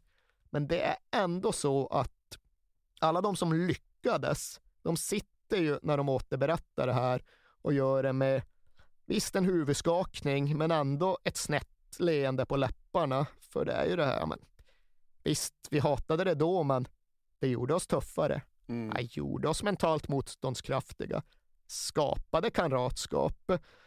Och så var det väl säkert, det får man ju tro på just i och med att de berättade på det sättet. Men där kommer ju någonstans den här frågan att ja, vi berättar ju i stort sett alltid om Ryan Giggs och Paul Scholes och David Beckham och Gary Neville. Vi berättar om de som lyckades.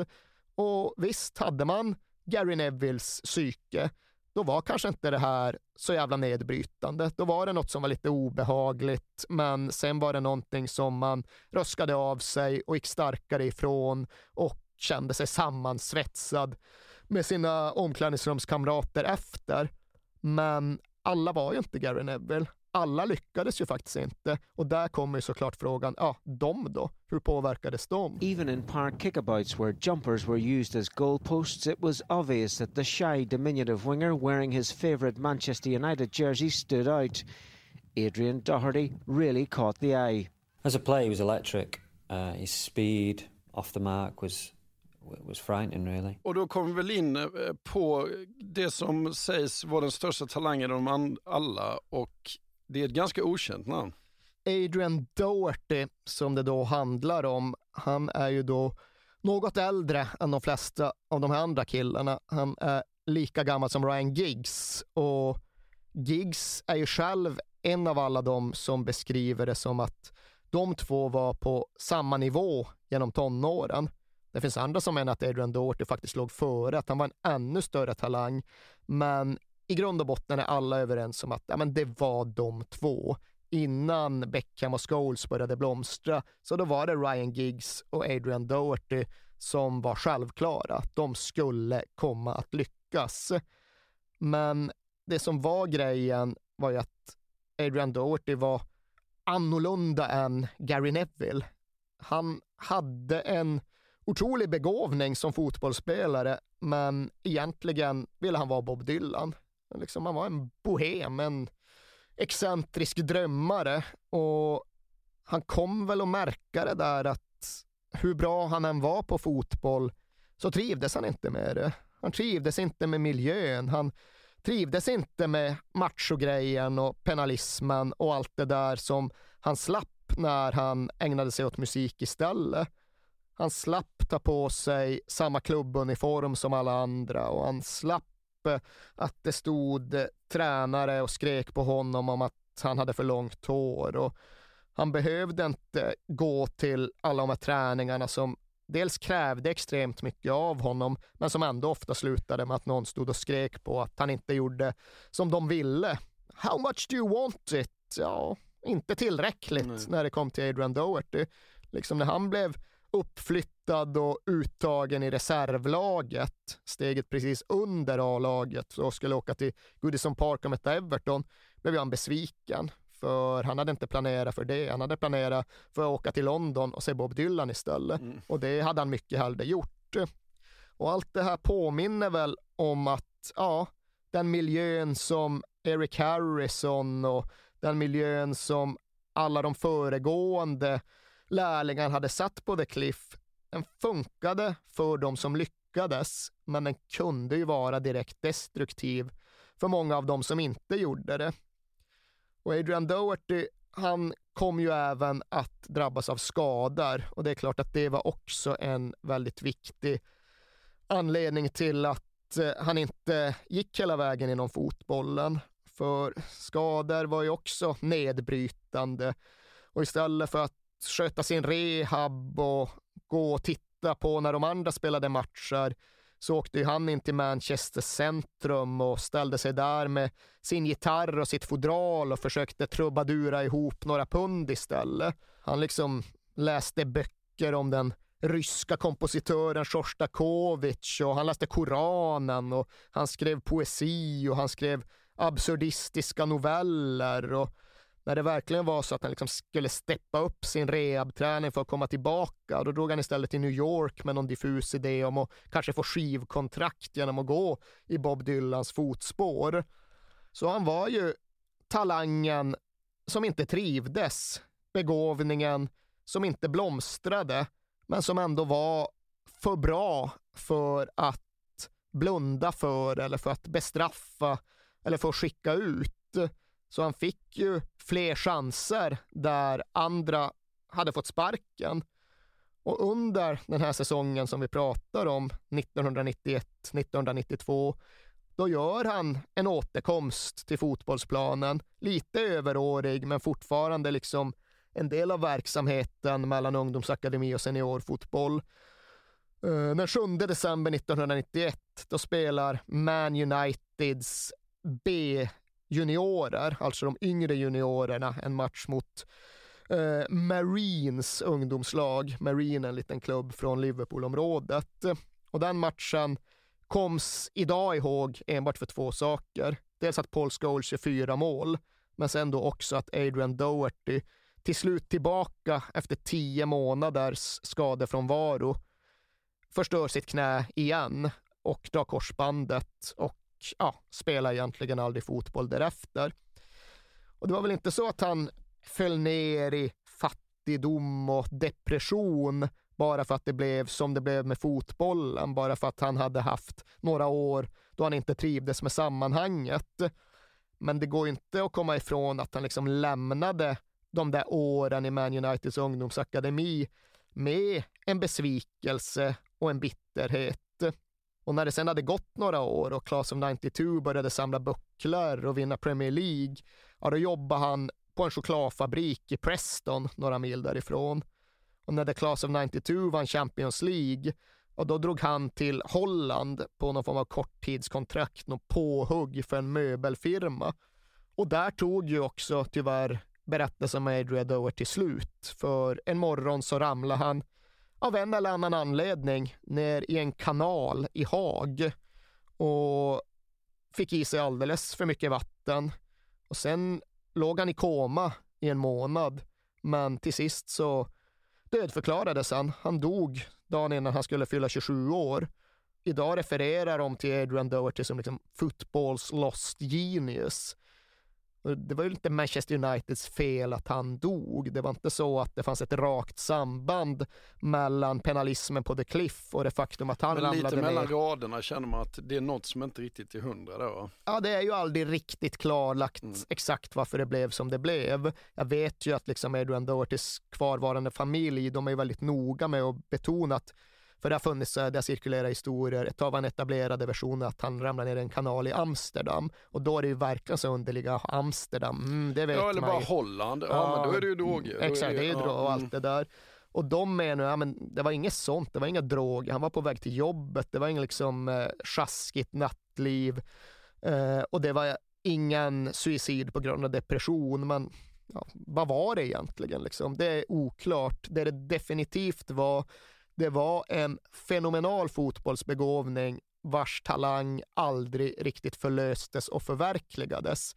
Och det är absolut möjligt att skulle det ha varit en annan tid och en annan miljö, då kanske Adrian Doherty skulle ha blomstrat på fotbollsplanen och blivit lika bra som Ryan Giggs, lika framgångsrik som Ryan Giggs. Men The Cliff 1991, ja, det funkade för Ryan Giggs och det funkade för Gary Neville, men det funkade inte för Adrian Doherty.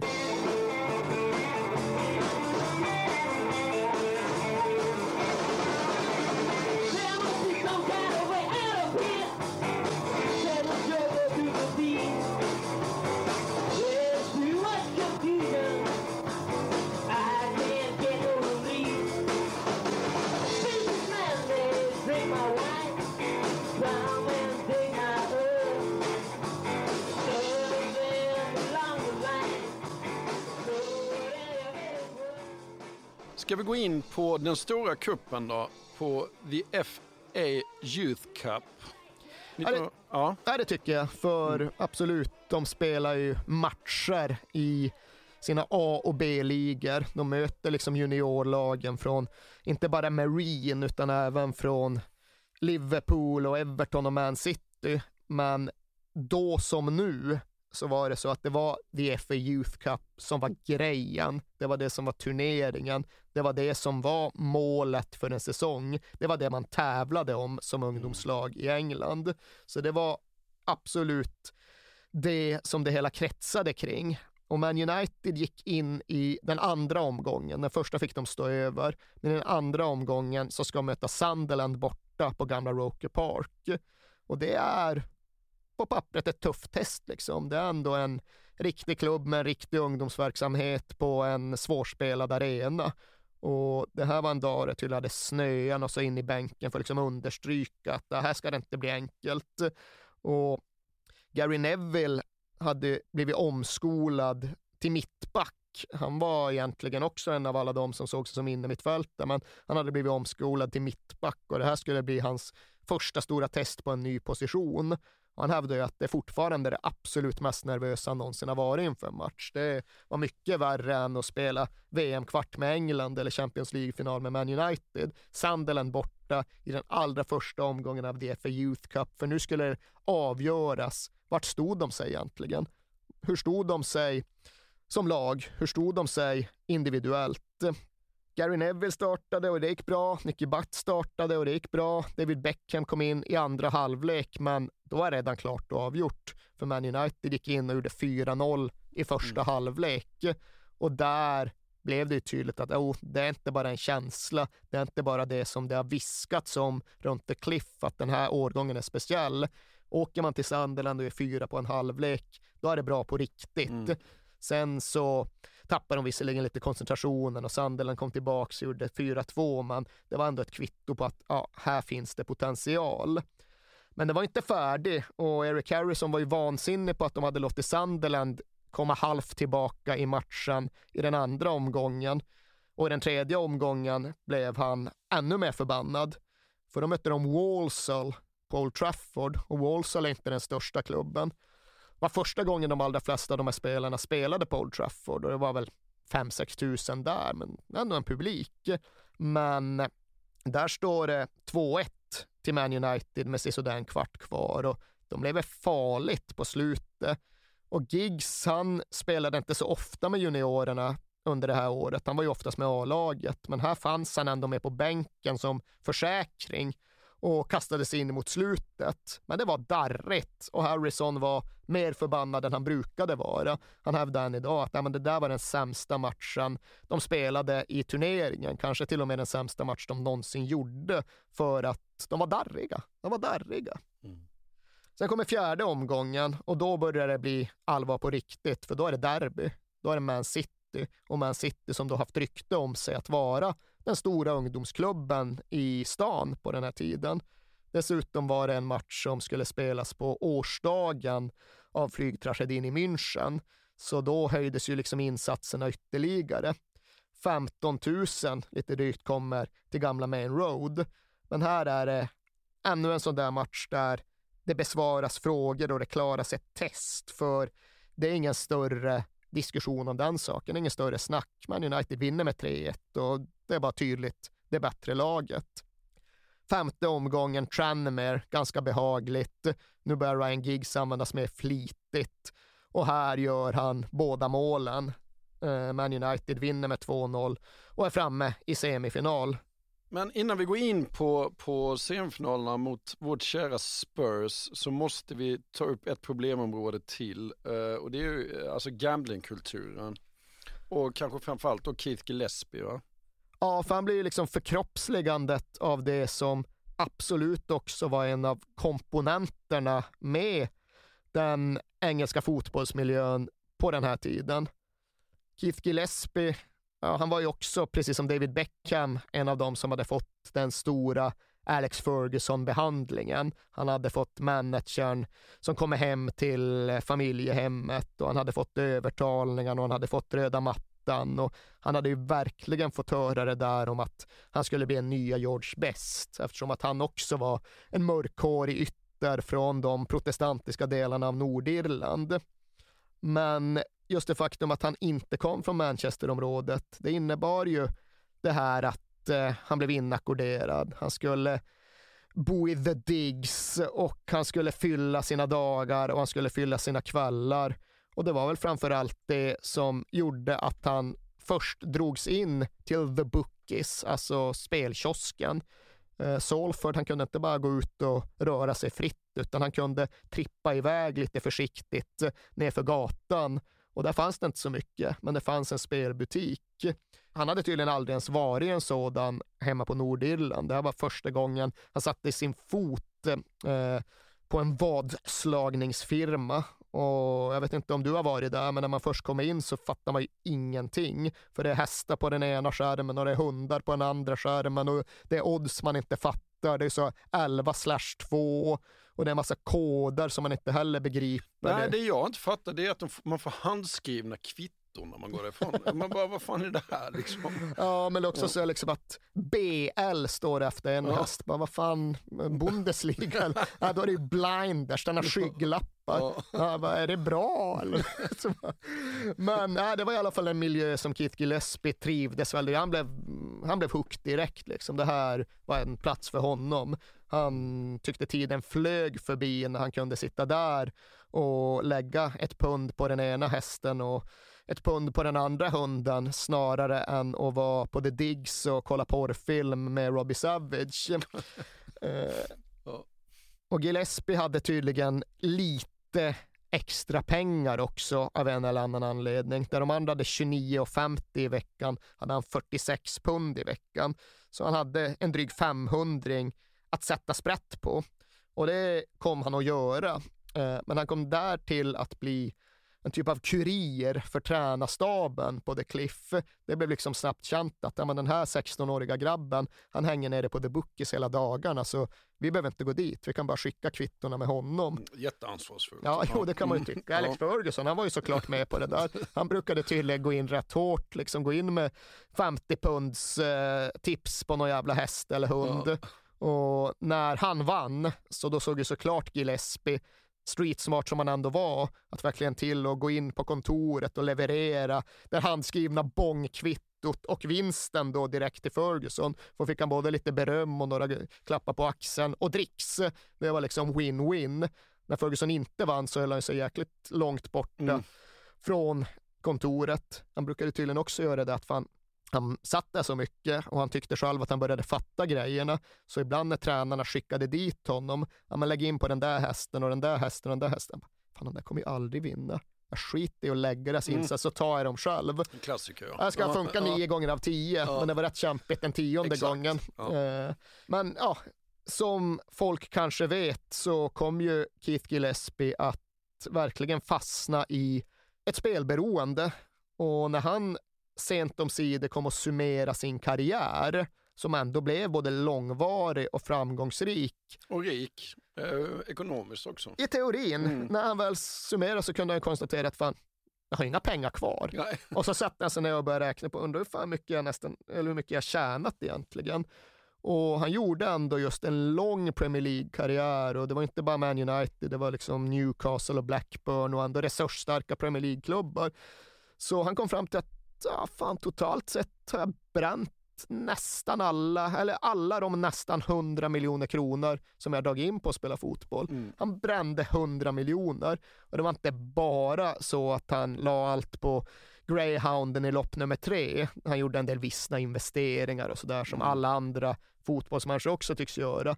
Men en majoritet av nästan 100 miljoner kronor brände han på spel. I've had so much sort of press over the years, a lot of it bad, and I just wanted to address all those sort of problems that I've had. You know, gambling being one of them, and you know, it's it's something that I got involved in at a very young age. Um, you know, it's I had that sort of problem for quite a few years, but you know, you, you, know, gambling is okay for you know as long as you keep it under control. I know there's plenty of people that that you know can do that. There's plenty of people that can't. Och det är klart att det är tragiskt att han slösade bort eh, sina inkomster på det sättet. Det är hemskt att sitta fast i ett beroende, men det är ju också någonstans än idag en påminnelse om hur väldigt tätt sammanflätad elitfotbollen och eh, spelbolagen verkligen är.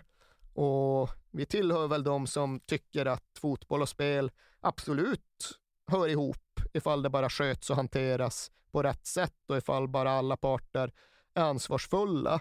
Men det finns ju ändå något kring framförallt den engelska fotbollen som har fått slagsida.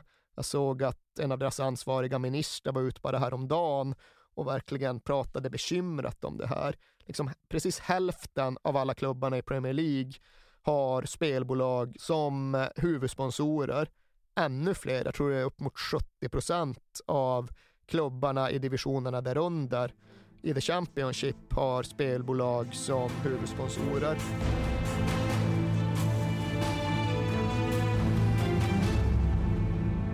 Vi hoppar mot semifinalen mot eh, vårt kära Spurs och där måste vi väl som vanligt varit framgångsrika va? vi har en stolt tradition i seniorernas fa Cup men en rätt svag tradition i the FA Youth Cup. Dock var det här några år då Spurs faktiskt hävdade sig och här så var det ett starkt Tottenham-lag. Det fanns några ungdomslandslagsmän, Andy Turner och Darren Caskey. Fan vad vi trodde på Andy Turner och Darren Caskey och fan vad de aldrig blev någonting. Men de var väldigt uppumpade. Dessutom så fanns Nick Barnby i laget och han var ju bra på riktigt. Mm. Han kommer ju mm. även att bli bra på riktigt. Och därtill fanns det en snubbe som fortfarande gick under sitt riktiga namn, Salzir Campbell. Undrar vad fan som hände med honom.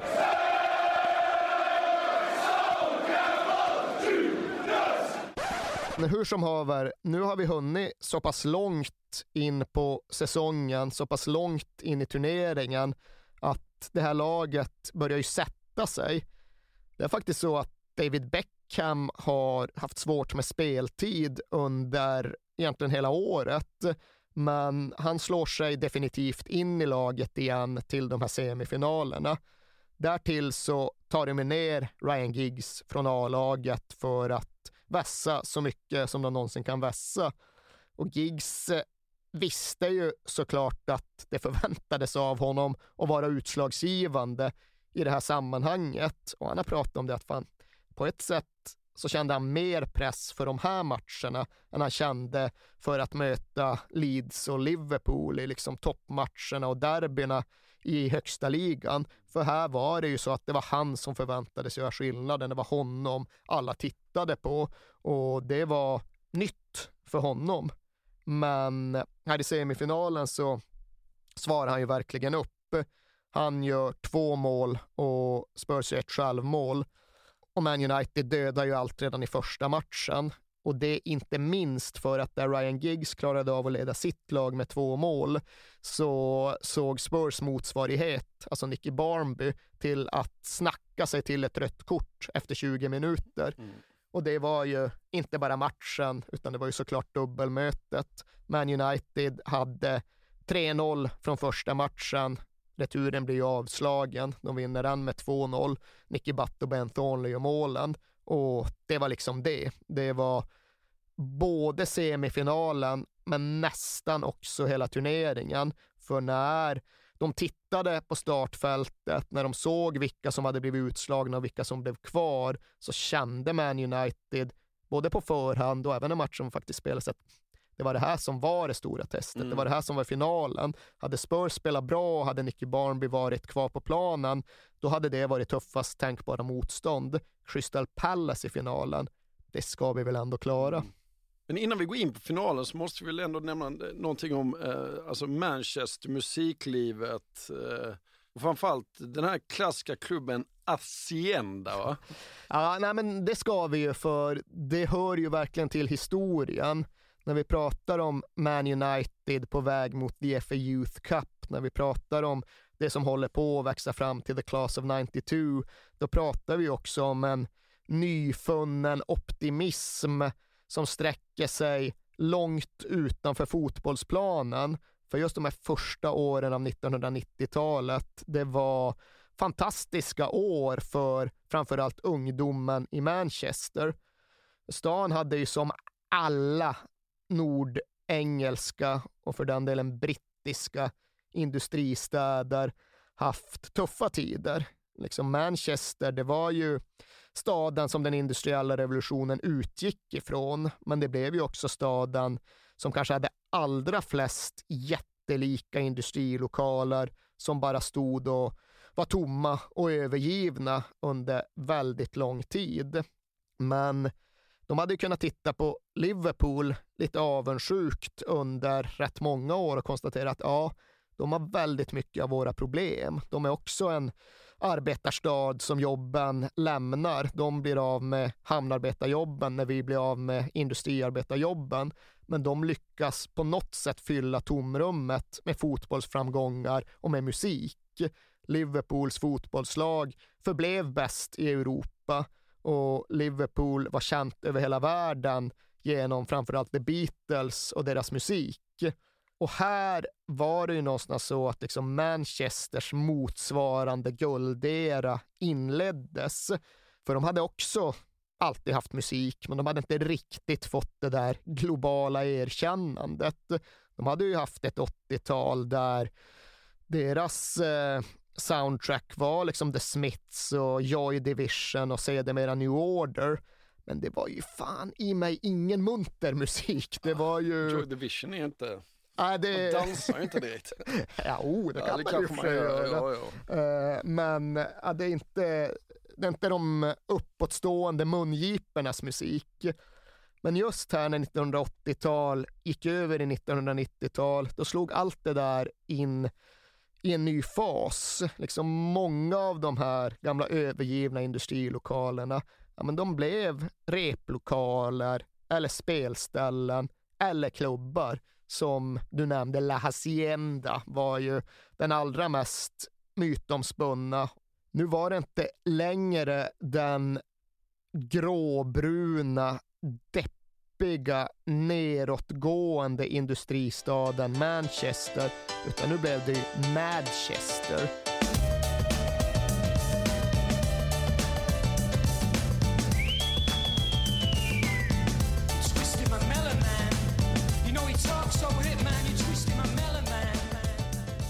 Det blev liksom stan där Happy Mondays stod för någon form av introduktion till det som kommer att bli Acid House, alltså en väldigt munter typ av klubbkultur. Eh, det kom ju sen också att lite halvt ersättas av britpopen, liksom Stone Roses och In Spiral Carpets och sedermera Oasis. Men allt det här innebar ju just att Manchesters nattliv blev ju positivt igen. Det blev liksom kul, det blev en känsla av att någonting pågick där Manchester och dess ungdom stod i centrum. Det var inte längre Liverpool som för alltid skulle förbli bäst i fotboll. Det var inte längre Liverpool som hade de mest berömda musikbanden, utan det var Manchester som skickade ut visserligen då Manchester City-anhängarna Oasis för att spela inför världens kameror och det var Manchester United som var precis på gränsen till att kliva upp på tronen igen. Men visst, det är klart att det skulle göras också och det ena hänger ju alltid ihop med det andra. Så de var ju liksom tvungna att få ihop det där med det glada nattlivet och det framgångsrika fotbollslaget på samma gång. Och Frågar du Alex Ferguson så var inte det helt okomplicerat. Ja, men alltså det finns ju en historia där med att uh, han, han var viktig för Giggs i att han blev hållen i nackskinnet av uh, Ferguson under en tid när nattlivet lockade väldigt mycket. Exakt så, exakt så. Mm. Och det är ju det tydligaste exemplet och den mest återberättade historien som anknyter till just det. För vi ska inte prata så mycket om Manchester Uniteds A-lag här. Vi fokuserar på ungdomsverksamheten, men kan ju ändå konstatera att våren 92, då har det gått precis 25 år sedan den senaste ligatiteln och de är ju fullständigt fixerade vid att bryta den torkan. Och det är faktiskt nästan lite bortglömt, men med bara två veckor kvar av säsongen, med bara fyra matcher återstående, då leder de ju ligan. Mm. Då är de så nära, så nära, så nära att de kan ta på det. Men så förlorar de hemma mot Nottingham Forest på annandag påsk och tappar greppet om serieledningen. Och det kan man ju inbilla sig att det kanske innebär ett jävla kollektivt jättedepp eller i alla fall en extrem fokusering på nästa match för att försöka bryta trenden, för att försöka återta serieledningen. Men ja, redan samma kväll så åker ju Ryan Giggs och hans, ska man säga, läromästare Lee Sharp till Blackpool lite högre upp på kusten. Norra Englands Paris. Norra Englands Ibiza. Ja, vad är det inte? Ja. De åker till Blackpool och går ut. Och därefter så spelar mot West Ham på onsdagen, två dagar senare. Och så förlorar de igen. Och då är ligan i praktiken borta. Och sen på torsdagen samma vecka så är Alex Ferguson på en middag. Och där får han höra att, fan du vet att Giggs och Sharp var i Blackpool och gick ut på måndagen efter förlusten mot Forest, före förlusten mot West Ham. Och när Ferguson får höra det, då lämnar han den där middagen som är i Morecambe, en annan stad uppe på kusten, rätt långt från Manchester, för att omedelbart sätta sig och köra raka vägen till Lee Sharps hus. Och Lee Sharp, ja men han var ju liksom, han var Ryan Giggs fast något år äldre. Han hade hunnit lite längre i sin karriär och han hade lite högre status, men precis det där liksom den unga löftesrika yttern som dribblar och är spektakulär och fräsch. Så han hade just fått flytta till ett eget hus. Han behövde inte bo i The Digs längre och det var ju dit då Ferguson styrde sin bil. Och så arg som han ska ha varit då, mm. när han inser att vi har just förlorat ligan som jag kämpar för ända sedan jag kom hit, som klubben har kämpat för i 25 år.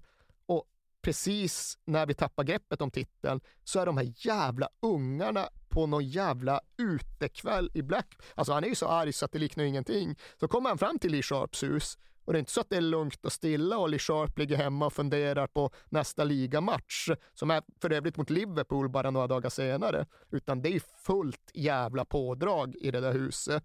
Det är liksom musik genom fönstren, det är tjejer överallt och Lee har köpt en jävla trumset som de sitter och hamrar på.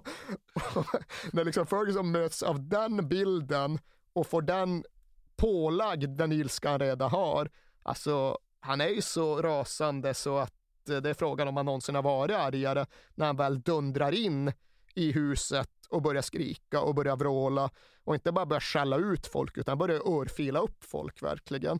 Eh, det är ju en jävla massa folk där, men det är ju framförallt Lee Sharp och Ryan Giggs som man är ute efter. Så de flesta lärlingar som också är där, de skickar bara ut det, liksom, ger dem en hurring var när de går ut från huset. eh, och sen så börjar han då leta efter Sharp och Giggs. Och tydligen ska han ju inte skrika deras namn, man ska skrika deras tröjnummer. Nummer fem! Nummer elva! Och än idag ska det ju vara den värsta utskällningen som någon av dem någonsin ska ha fått. Lee Sharp hade just fått sitt eget hus, han hade köpt någon jävla jeep, han kände att han var klar, han hade lyckats. Eh, det blev ju inte riktigt så, utan bara dagarna därefter tvingades Lee Sharp sälja sitt hus. Han fick flytta tillbaka till Diggs. Hans tjej som hade flyttat upp från Birmingham från att bo i huset, hon fick ju flytta hem igen. Det tog slut som konsekvens. Jeepen fick han sälja. Trummorna fick han fan sälja. Han fick tydligen till och med sälja sin hund. Och det var ju i praktiken början till slutet på Lee Sharps tid i Man United.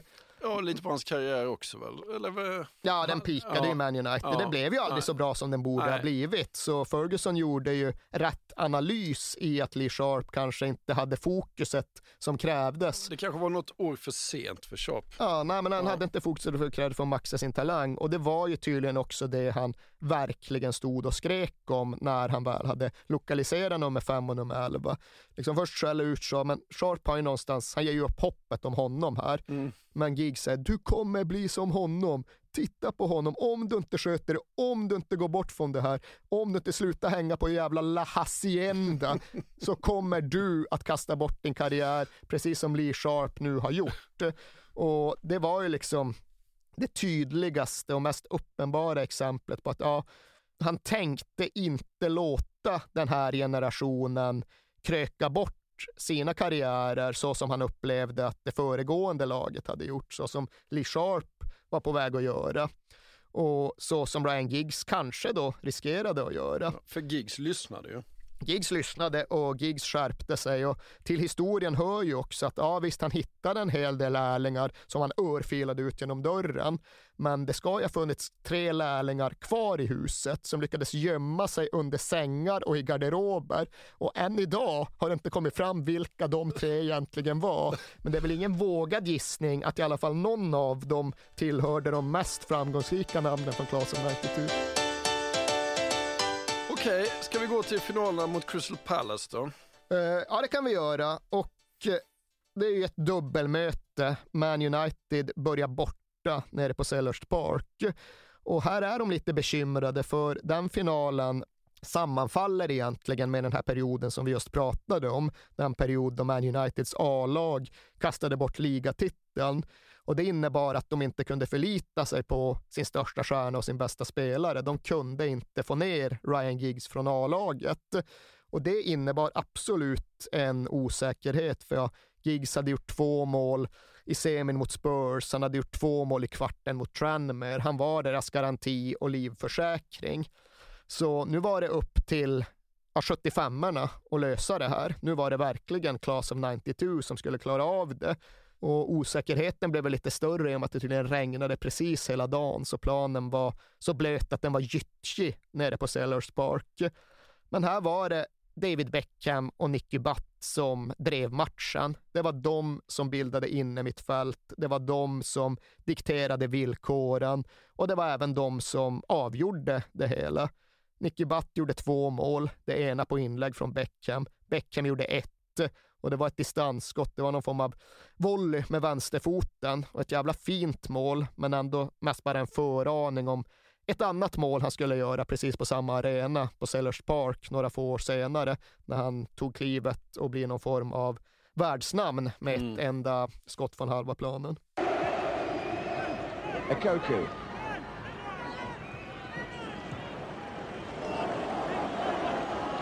And Beckham saw Sullivan off his line.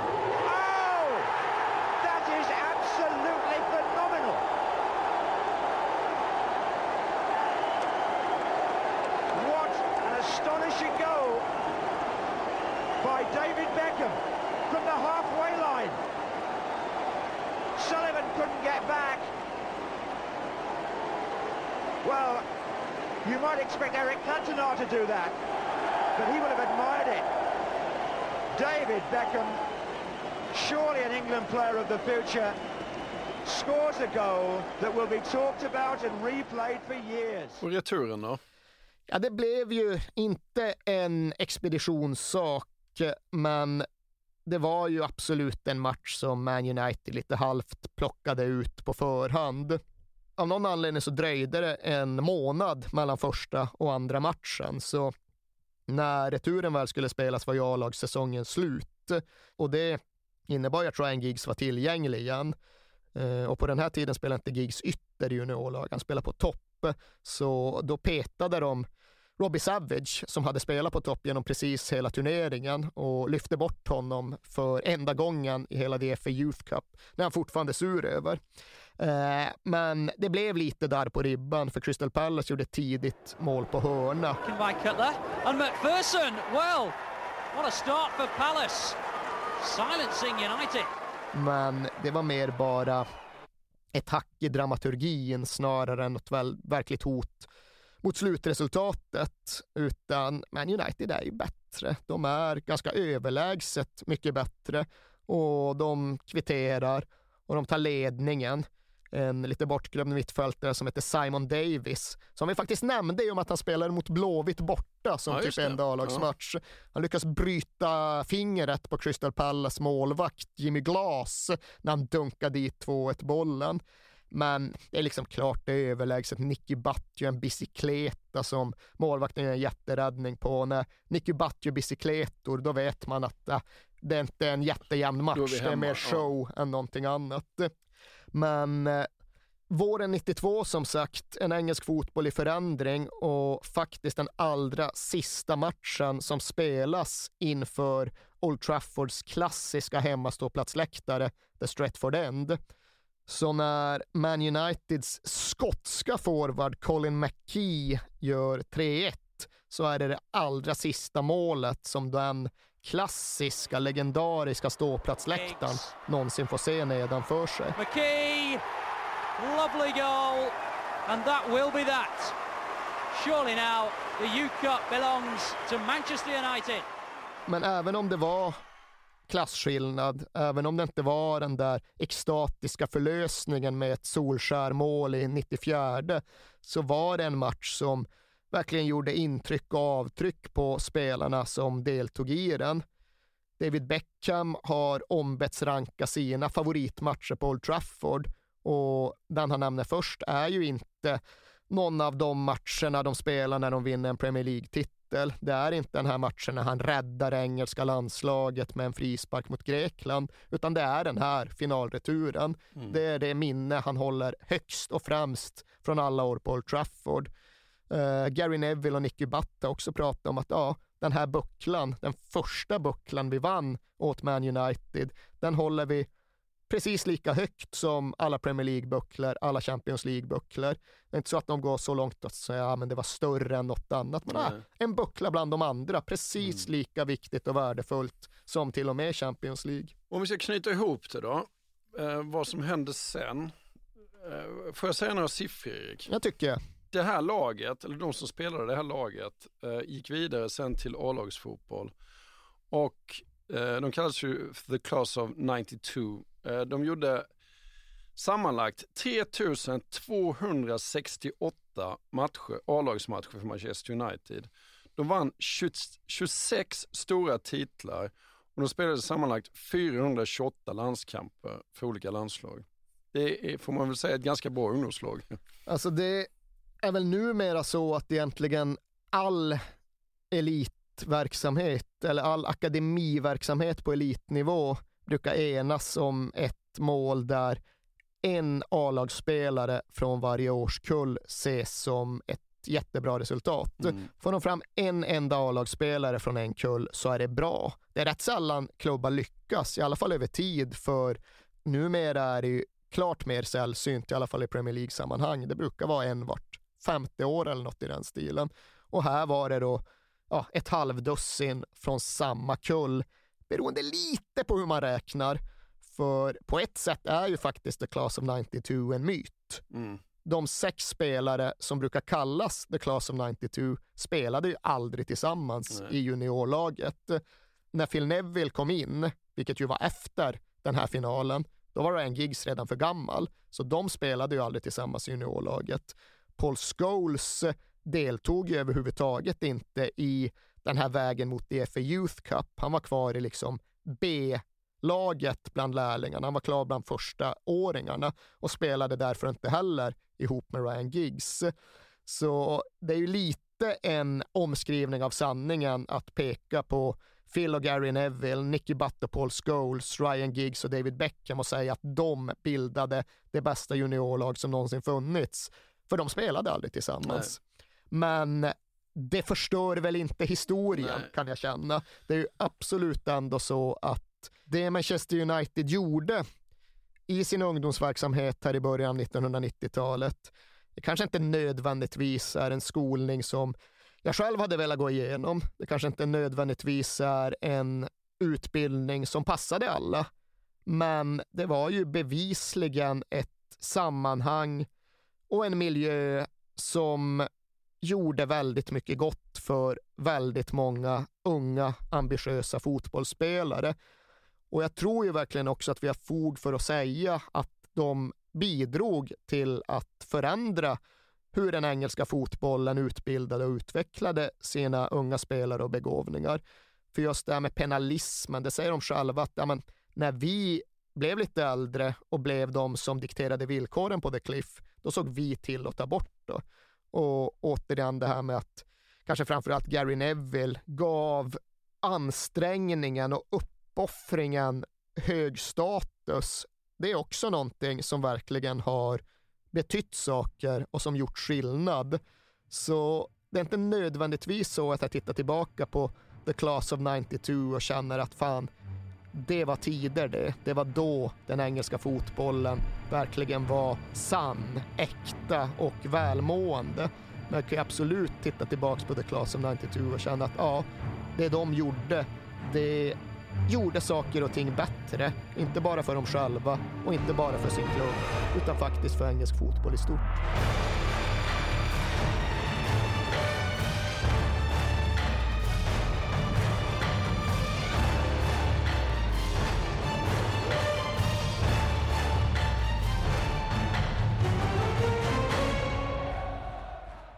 Det, det, det, finns en, eh, en anekdot jag tycker är så bra också som Phil Neville berättade. För han älskade verkligen Eric Harrison, eh, tränaren.